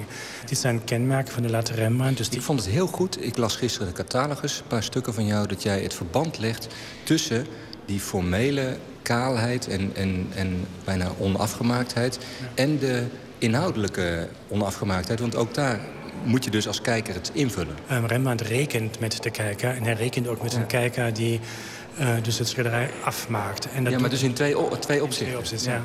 Rembrandt rekent echt daarmee dat hij dus niet meer alles precies uh, op het kleinste stukje uitschildert. Maar het wordt breder, het wordt daarmee losser. En daarmee wordt het ook vrijer voor ons om het af te maken in de ja, in de oppervlakte, maar ook in de binnenste van de. Ja. Dus als je niet ook het verhaal maak je af. Ja, je maakt het verhaal af. Ja, we staan voor uh, de Badende Vrouw uit Londen van Rembrandt, 1654. Jonathan Bikker, conservator van het Rijksmuseum, geeft een voorbeeld. Je ziet alleen een vrouw met uh, een rijk brokaat gewaad achter haar. En zij loopt uh, een, een plasje in mm -hmm. en uh, heft haar hemd uh, op. En dat brokaat gewaad, dat heeft ze dus uitgetrokken, hè? Dat ligt op de waterkant. Ja. Vandaar ja. badende vrouw. Vandaar, ja, niet alleen badende vrouw, maar vandaar dat we ook denken dat het uh, een historisch onderwerp is. En niet alleen zomaar een badende vrouw. Want, wat, wat schrijf jij in de catalogus? Nou, ik denk, het hangt hier in de zaal intimiteit. En het is een heel intiem schilderij. Zij kijkt naar het water, heeft helemaal geen idee dat wij haar bekijken. Mm -hmm. En ik denk, als je een onderwerp eraan moet uh, koppelen... dan uh, is het beste onderwerp Suzanne en de ouderlingen. Het verhaal, het bijbelverhaal Suzanne en de ouderlingen, moet je even uitleggen. Nou, Suzanne was uh, een heel mooie vrouw. Getrouwd met een rijke man, die ook een rechter was... En twee andere rechters kwamen vaak bij hem thuis en bij haar thuis. En allebei die twee rechters raakten, uh, ik wil niet zeggen verliefd op Suzanne, ja. maar uh, ja, ze maar wilden... wel geil. Uh, ja, ja, geil als de pest. Ja. en, ja, en op een gegeven moment is een heel mooi prent van Lucas van Leiden... waar je de twee ouderlingen op, de, op de voorgrond ziet. En helemaal in de achtergrond zie je Suzanne alleen met haar uh, benen in een beek.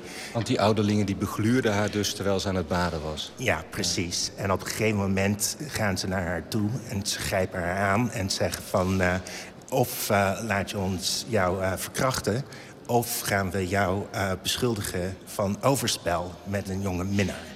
Wat gebeuren er toch verschrikkelijke dingen in het Oude Testament, hè? Ja, het zijn geweldige verhalen eigenlijk. Ja, maar erg ook. En Rembrandt weet ze ook altijd uh, te gebruiken. Die, ja. Ja. ja, want oké, okay, Rembrandt heeft dit onderwerp van Susanna en de ouderlingen... in de loop van zijn carrière al vaker ge ja, al geschilderd. keer uh, eerder uh, geschilderd. Dus als je zegt, deze badende vrouw is ook Susanna... maar dan door de late Rembrandt... dan is dat eigenlijk het ideale schilderij om iets te zeggen... over hoe de late Rembrandt het uh, aanpakte. Want je kunt het vergelijken met hoe de vroege Rembrandt het aanpakte. Ja, het is een schilderij van 1636 in het Mauritshuis. Ook Susanne en de ouderlingen. En daar zie je als je, je moet heel goed kijken om de ouderlingen te zien. Want die zijn echt verstopt uh, in, uh, op de achtergrond. Mm. Maar daar zie ja, je... Anders zou zij ze ook zien. Dat zou niet goed zijn. Ze ja, maar ze ziet ze al. Of ze vermoedt dat ze ja, er zijn. Want ze kijkt ook naar ons toe. En ze, ze reageert heel uh, heftig. Er is iets aan de hand. Ze voelt is, zich bekeken. En dit is helemaal anders. Ja. Dit is, en, en deze Suzanne heeft niet door dat wij en de ouderlingen, of wij als de ouderlingen, haar begluren. Dat is een belangrijk punt. Hè? Wij, zijn de, wij zijn de ouderlingen. Wij zijn die vieze ja. gluurders geworden. Wij, wij en ik, Jonathan. Gluurders, ja. Dat was ik altijd. Ik weet niet hoe dat bij jou zat. Nee, ik begluur nooit mee. Nee. nee, maar het is dus belangrijk. Dat is een andere aanpak. Het is niet meer het verhaal wat hij laat zien. Susanna die geschrokken om zich heen kijkt van, van ik voel me bekeken. Maar ja, is, is Suzanne die niet doorheeft. En dan kom je ook, je komt niet alleen in de rol van, van de ouderlingen...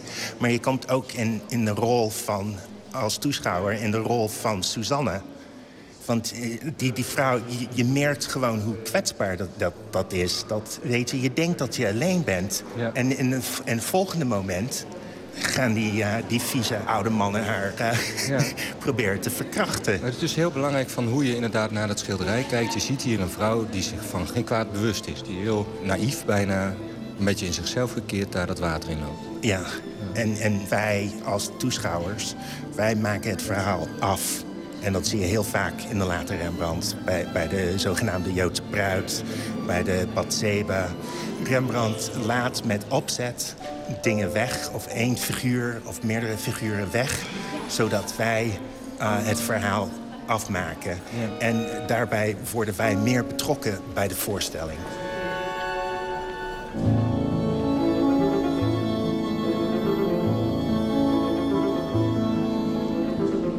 We staan hier voor een schilderij, zelfportret van Rembrandt. Dat hangt gewoonlijk in Kenwood House, uh, vlak buiten Londen. En hij schildert zich met zijn gereedschap.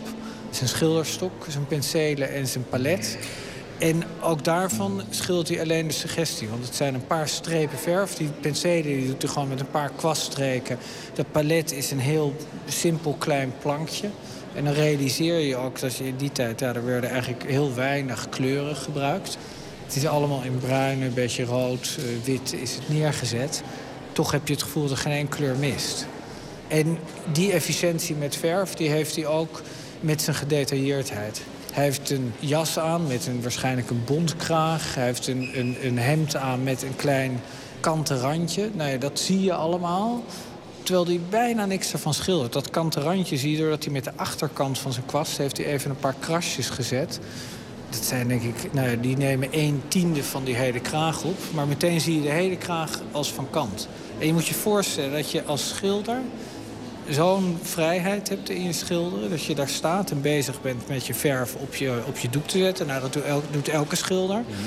Maar dan opeens je kwast omdraait. Gewoon een fysieke beweging van het omdraaien. En met de achterkant van je kwast bezig gaat. Dat is iets wat je helemaal niet kan voorstellen. Nou ja, en het mooie... Van Fontana die in zijn doek gaat snijden. Ik, het is een... En je ziet het ook in die... In, hij heeft een klein keppeltje op en, en- en met een paar witte strepen is dat aangegeven. Ja, en je accepteert als toeschouwer accepteer je meteen wat het is. Ja, en dat accepteer je dus omdat hij die paar strepen die hij zet... het zijn er maar een paar, maar hij zet ze wel precies goed. Ja. Met andere woorden, je, je- het kan wel zijn dat je op late leeftijd... je van heel weinig middelen gaat bedienen... maar dan moet je die middelen wel precies goed bedienen. Ja, hetzelfde met taal. Ik denk dat je op, op hoge leeftijd... dan heb je minder woorden nodig. Omdat je ook minder eh, geremd bent in wat je zegt. Dus als wij elkaar over 30 jaar spreken... dan kunnen we het veel korter bespreken. Dit. Dan is het stilte op de radio. Oh ja, ja, ja. Gijsbert van der Wal in gesprek met Taco Dibbets, Gregor Weber en Jonathan Bikker van het Rijksmuseum. De Late Rembrandt.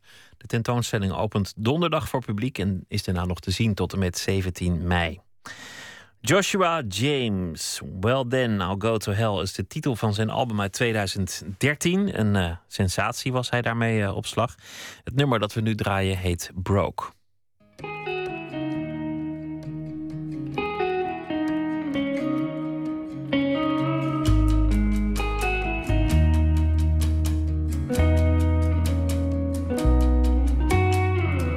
Broke accounts, so I broke a sweat. Bought some things that I sort of regret about now.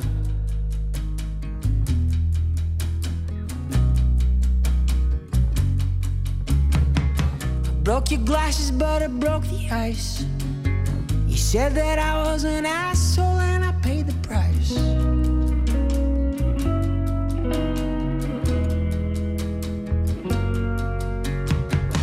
Broken hearts on broken done some things that I love to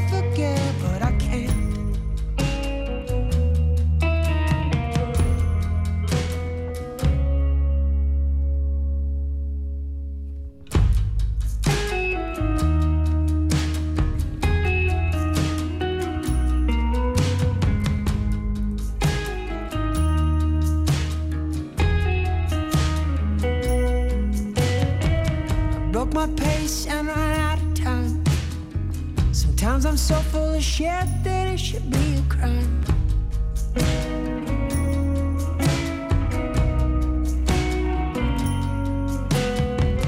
Broke a promise cause my car broke down. Such a classic excuse, it should be broke by now.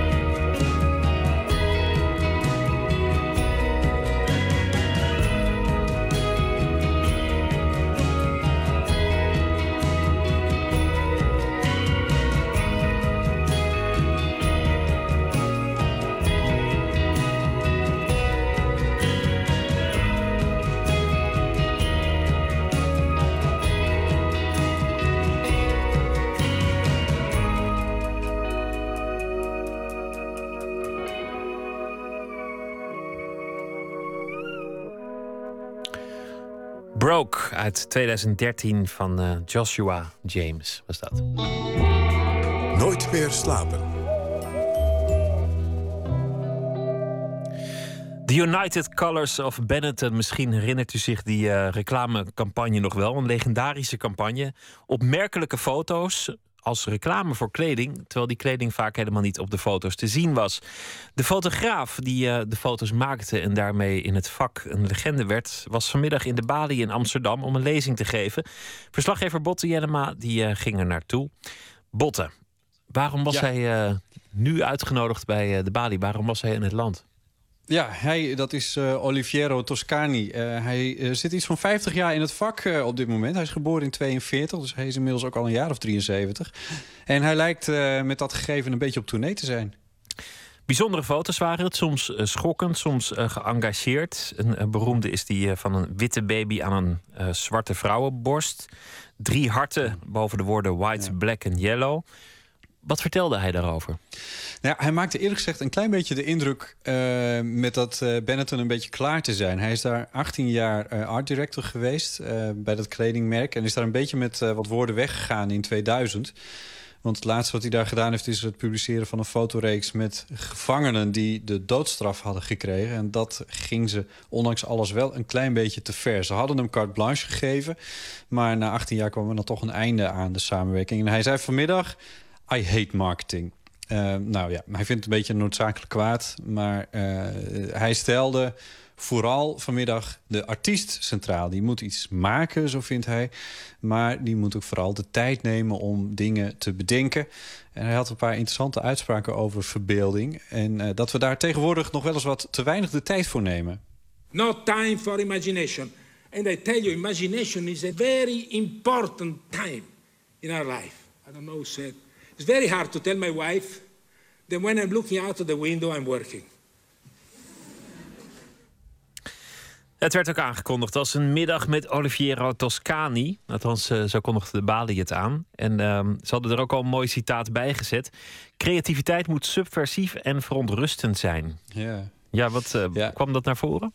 Nou ja, heel duidelijk. Hij uh, zei het een paar keer letterlijk. Uh, het was een lezing in de grote zaal van de Bali en het was uitverkocht. Dus dan heb je 200 man daar. Uh, op het grote doek achter hem werden de foto's van Toscani geprojecteerd in een razend tempo. En dan, als je dat voorbij ziet trekken, dan ontdek je ook wat voor machtig oeuvre deze man eigenlijk heeft. Foto's die, ja, hij is natuurlijk begonnen in de jaren 60, jaren 70, tot en met nu. controversiële foto's veel werk dat je ergens ook wel een keer hebt gezien. Uh, prachtige portretten van mensen van over de hele wereld. Modefotografie. Uh, onwaarschijnlijk mooie foto's van dieren. Succes dus, in die zin. Maar ook een echte artiest. En over dat woord artiest, dan had hij het heel regelmatig. Uh, hij vertelde bijvoorbeeld over iemand die naar hem toe kwam... die zichzelf een creatief noemde, maar een probleem had... namelijk dat hij niet kon maken wat hij had bedacht. So I said, you know what your problem is? You're not an artist.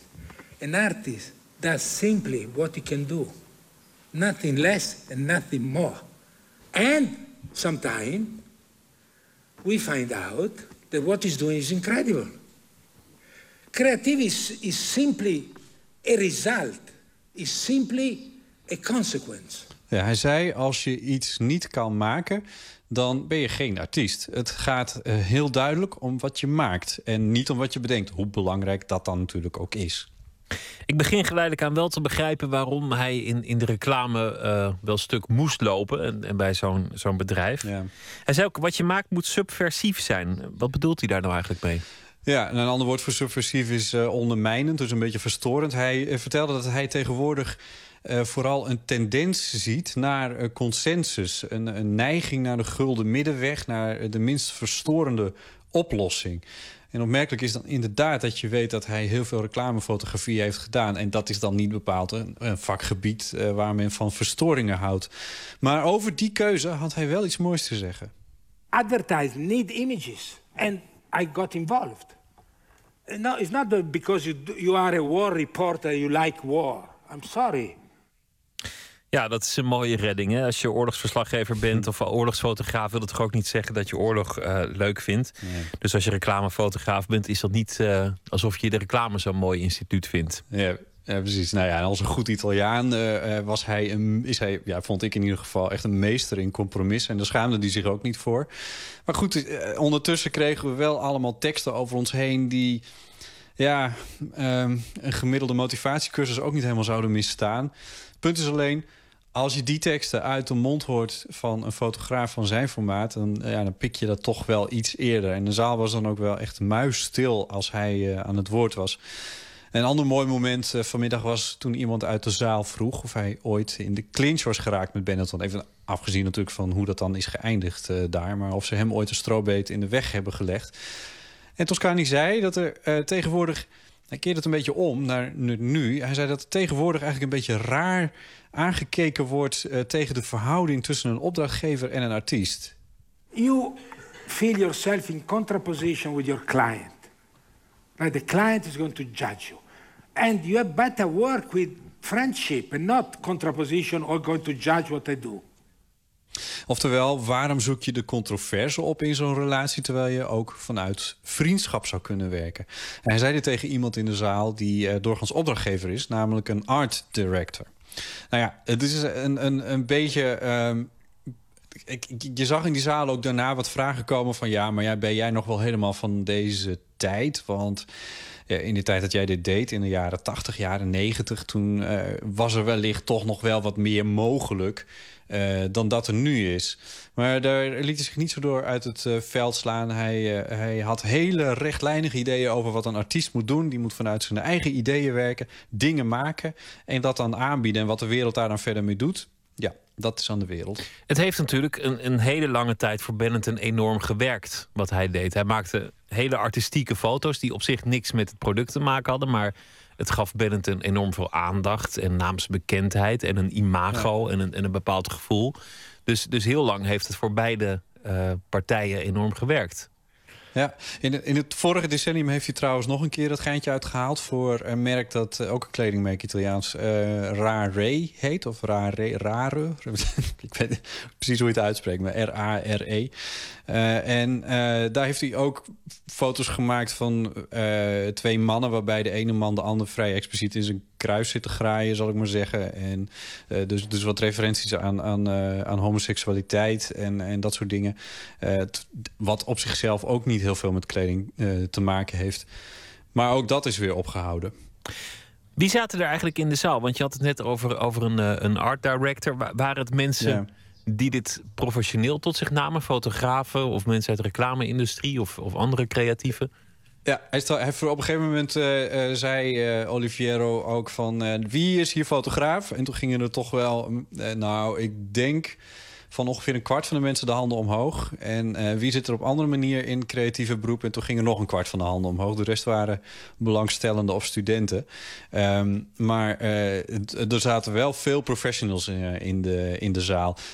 Zo'n verhaal het was ook wel een verhaal aan hen. Het, ik, ik, ik refereerde er al even aan dat het een beetje een, motivatiepraatje was. eh, wat ik af en toe, waar ik af en toe een beetje. die, die, die neiging die had het af en toe een klein beetje in mijn ogen. Ehm, en en dat, dat sfeertje had het af en toe wel een klein beetje. Dat het zo'n zo'n dag op de hei was voor, eh, voor professionals. Ik denk dat er heel veel bonnetjes van de balie zijn gedeclareerd eh, aan het einde van de dag. Maar goed, een, mo- een mooie pep talk en op zich iets wat iedereen in ieder beroep of zelfs zonder beroep eh, zich kan aantrekken. Wees creatief, durf je fantasie de loop te laten, wees niet te bang voor je baas, ga vriendschap aan, maak niet overal een polemiek van en, en laat de ideeën vloeien. Dankjewel, Botte. Ja, alsjeblieft. 25 jaar geleden, in het eh, jaar 1990, namen Lou Reed en John Kill samen Songs for Drella op. Een eh, album over en ook een beetje voor Andy Warhol. Een eh, grote inspiratiebron was dat eh, namelijk. Het Nederlandse Scapino Ballet voert deze week een dansportret op van Andy Warhol, gemaakt door Ed Wubbe en Marco Goeken. De dansproductie is al van 2011, maar nu terug in de theaters. Wij gaan terug naar Reed en Kill met het nummer Nobody But You.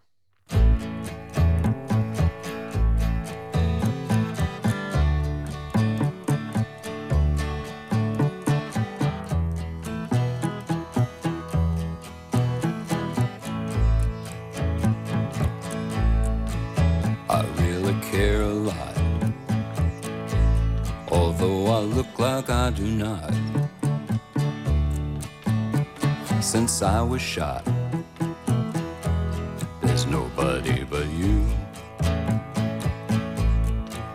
I know I look blasé, end is what the papers say. At dinner, I'm the one who paid for a nobody like you. Nobody but you. A nobody like you. Since I got shot,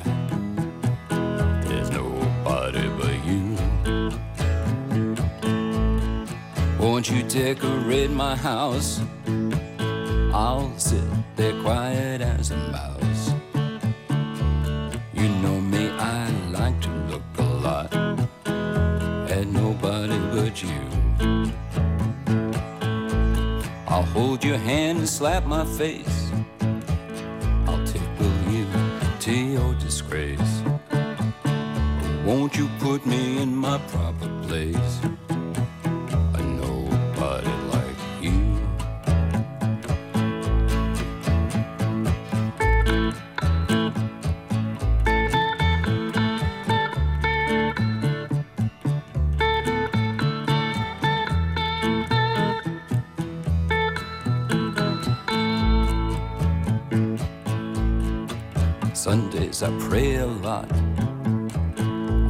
To wind you up and paint your clock. I want to be what I am not for a nobody like you. The bullet split my spleen and lung. The doctor said I was gone. Inside I've got some shattered bone for nobody but you. But you. Nobody like you. Shattered bone for nobody but you. I'm still not sure I didn't die. And if I'm dreaming, I still have bad pains inside. I know I'll never be a bride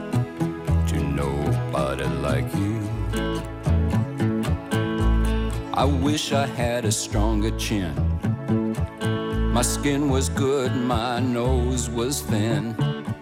This is no movie I'd ask to be in with a nobody like you. Nobody like you.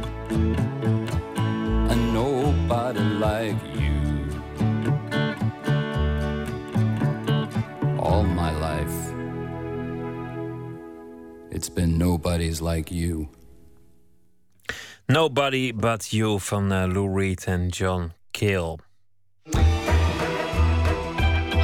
Nooit meer slapen.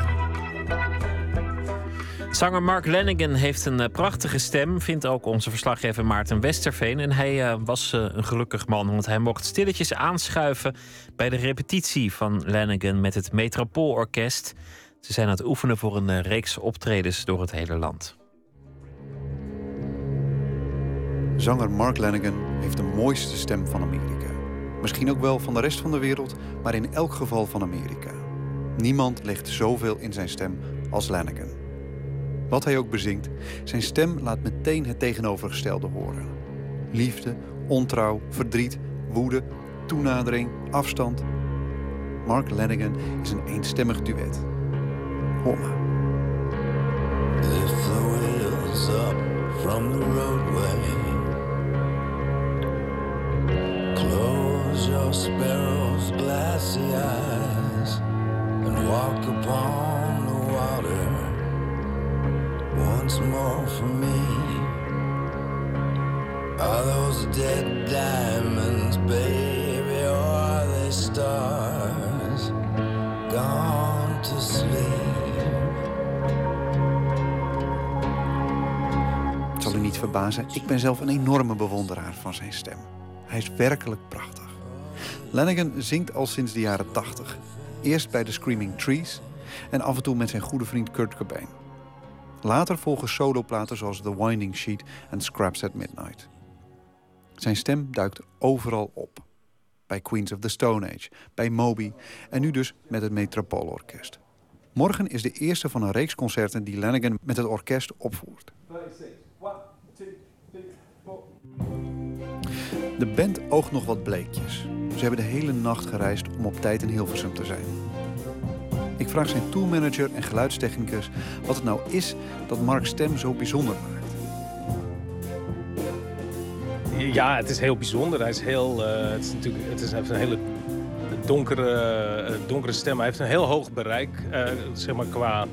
Hij kan extreem hoog zingen, zeg maar, wat hij vroeger al deed met, met, eh, Screaming Trees bijvoorbeeld. Maar ik, ik, merk dat hij heel erg ontwikkeld is. Dat hij, als je hem nu hoort zingen, is hij, dat is, dat is toch honderd keer beter dan wat hij vroeger deed. Eh, heel, heel veel, ja, gewoon heel door ervaring natuurlijk van hem en, en, en, en zingen en doen. Eh, en wat, wat hij, nou ja, voor mij is het, hij heeft heel veel harmonisch in zijn stem. En dat maakt het, als geluidsman is dat heel interessant om, en soms ook heel ingewikkeld.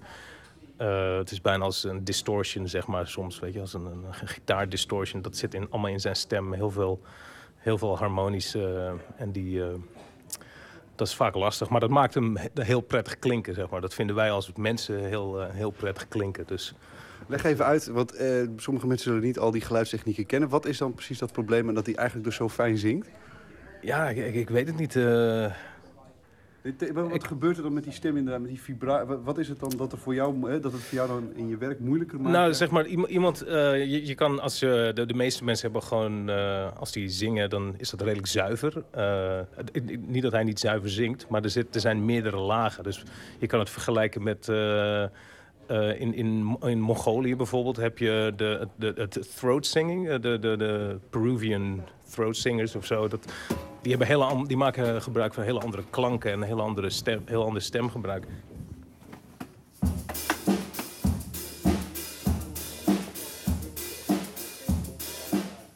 Mijn naam is Tom Trapp. Ja, ik ben een van de drie arrangeurs. Dus Peter Riley en dan Jules Buckley zelf. Ja.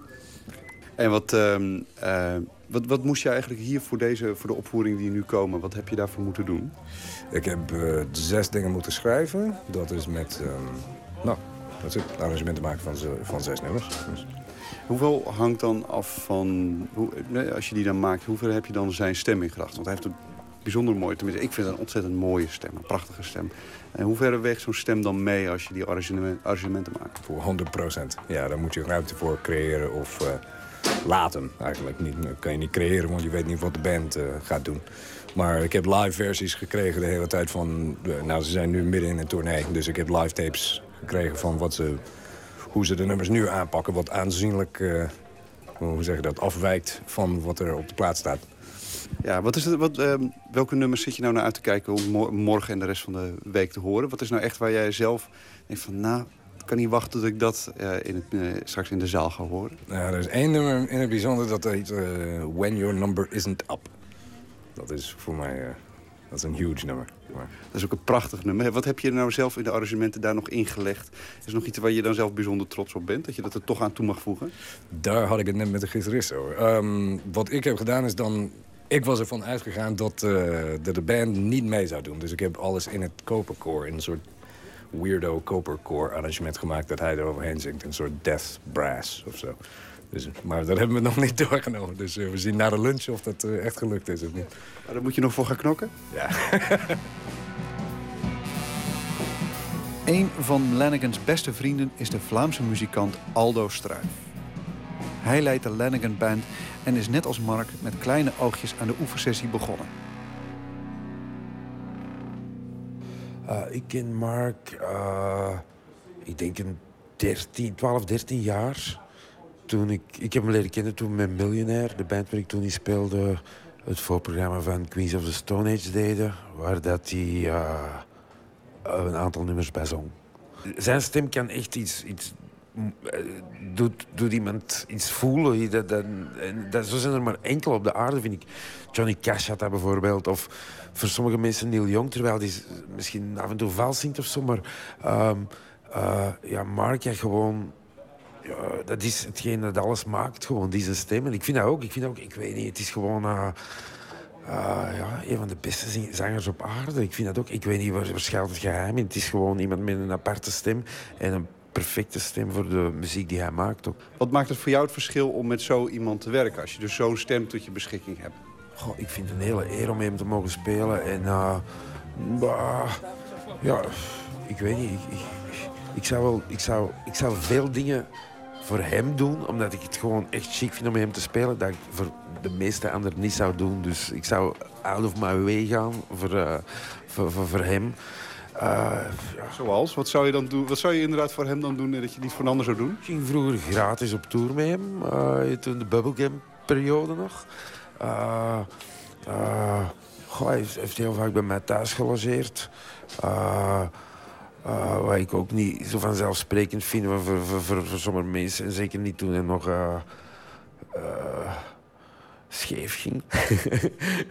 maar nee, ja, ik zou hem altijd helpen. oh, maar ik, het is gewoon, ja, het is uiteindelijk ook een vriend geworden. Dus het is eigenlijk moeilijk om dat te zeggen. Het is, het is zo dat hij, in mijn leven gekomen is en, en, en, en, en, en, en er altijd in zal blijven, denk ik. Ook gewoon omdat we echt een, heel goed overeenkomen. We, we, we, we- ja, zitten zo op dezelfde golflengte ergens.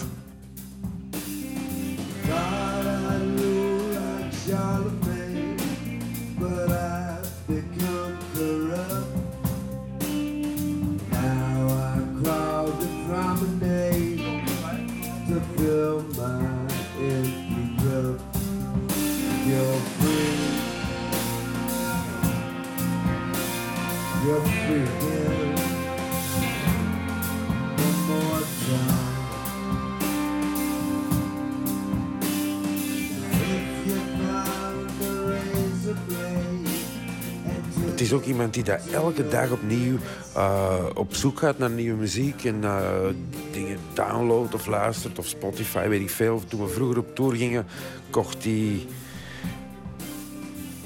50 cd's per week, denk ik. Echt stapels, stapels en stapels. En zitten die allemaal op zijn iPhone, iPod, die tijd nog. En dan liet, ze- hem ze staan in de hotelkamer, want dat interesseerde hem niet. Maar eh, hij is iemand die echt constant eh, eh, naar nieuwe muziek op zoek gaat. Hij, hij, leert met nieuwe dingen kennen. Ik kende bijvoorbeeld Darkside niet, wat toch redelijk elektronisch nieuw project is van... Ik weet het namen niet van de twee mannen, maar eh, ja, hij blijft gewoon op zoek gaan en, eh, en, dan laat zich er ook door inspireren. Lanigan oefent zoals hij optreedt. Met twee handen strak aan de microfoon. De blik de verte gericht. Mensen die meer van hem verwachten... hebben het volgens Aldo niet begrepen. Ja, die vergeten dat Mark gewoon echt iemand is die, die, die echt is. Die is wat hij is. En, en eh, heeft geen zin om, om, om cirque of toneel te spelen. Hij doet gewoon wat hij moet doen en dat is zingen. En als het kan voor hem in het donker en on, onbeweeglijk. Maar gewoon omdat het daar draait bij hem, om, om zijn stem. En hij zal nooit... eh, veel, veel mensen zijn ook... eh, meer onder de indruk door, omdat bijvoorbeeld, zo nemen, Guns N' Roses, zeg maar iets, dat die staan rond te springen en van alles aan te roepen of, of eh, gitaren de lucht in jumpen van, eh, van weet ik wat. Doet er niet toe. Voor hem is het gewoon luisteren naar mijn stem en voor de rest is er niks te zien. Ik overweeg om Lanigan zelf te benaderen, maar ik zie er snel van af. Twee tellen na het aanvangen van de pauze zakt de zanger stilletjes in zijn stoel en slaapt meteen.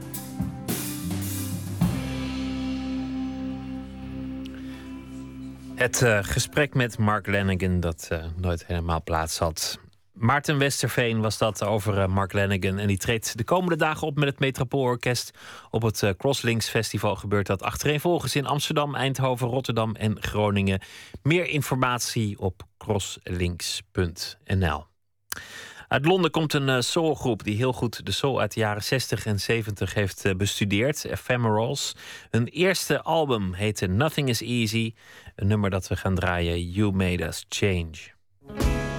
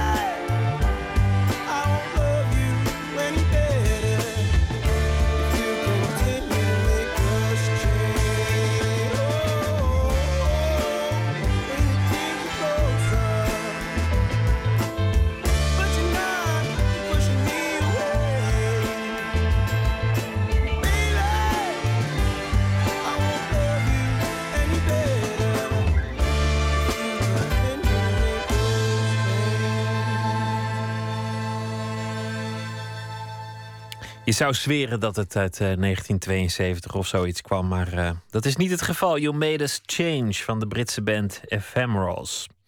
Een van de grootste Nederlandse dichters van zijn generatie eh, is hij al eens genoemd, Menno Wigman.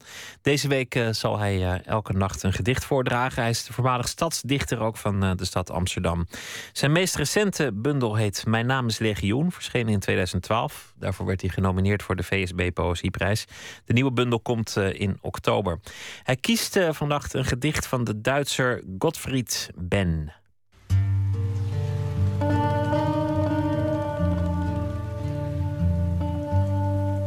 Ik wil graag een gedicht voorlezen dat het openingsgedicht is van de allereerste dichtbundel van een Duitse dichter, namelijk Gottfried Benn. En de bundel die hij publiceerde in 1912 heette Mork und andere Gedichten. En alleen al ehm, zijn openingsgedicht.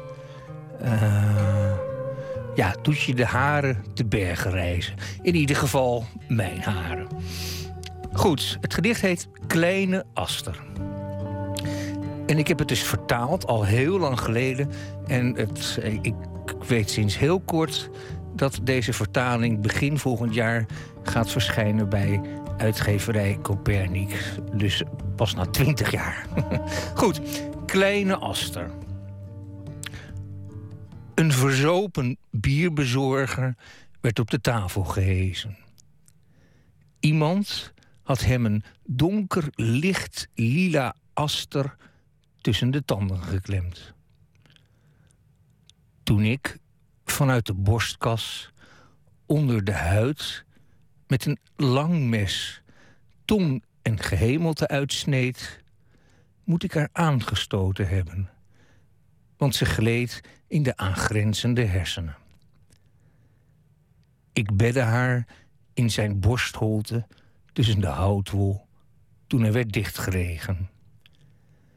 Drink je dronken in je vaas. Rust zacht, kleine aster. Menno Wigman las een gedicht van de Duitser Gottfried Benn. Dit was Nooit meer slapen voor deze nacht. Morgen dan eh, zijn we er weer na middernacht. Erik Bindervoet komt langs. Vooral bekend vanwege zijn eh, opmerkelijke en vele vertaalprojecten. Vertalingen van liedjes van Bob Dylan, van de Beatles. eh, van James Joyce, romans. En dat doet hij meestal ook samen met Robert-Jan Henkes. Hij is ook eh, dichter en eh, ook daarin zal hij een eh, groot project niet makkelijk afslaan. Het Vel van de Schoonheid is zijn nieuwe bundel. Derde van een reeks, een trilogie. En daarin gaat het over de absurditeit van het leven. Bindervoet komt morgen op bezoek in Nooit meer slapen. Lenneke Ruiten, die eh, ontmoeten we. Zij debuteert in het Mekka van de opera in Milaan, in eh, La Scala. En dan heeft zij eh, de hoofdrol in Lucio Silla, een opera van Mozart. Dat allemaal morgen na middernacht. Voor u een hele goede nacht en daarna een leuke dag. En hopelijk luistert u morgen weer. En zometeen WNL met Nog Steeds Wakker. Een hele goede nacht.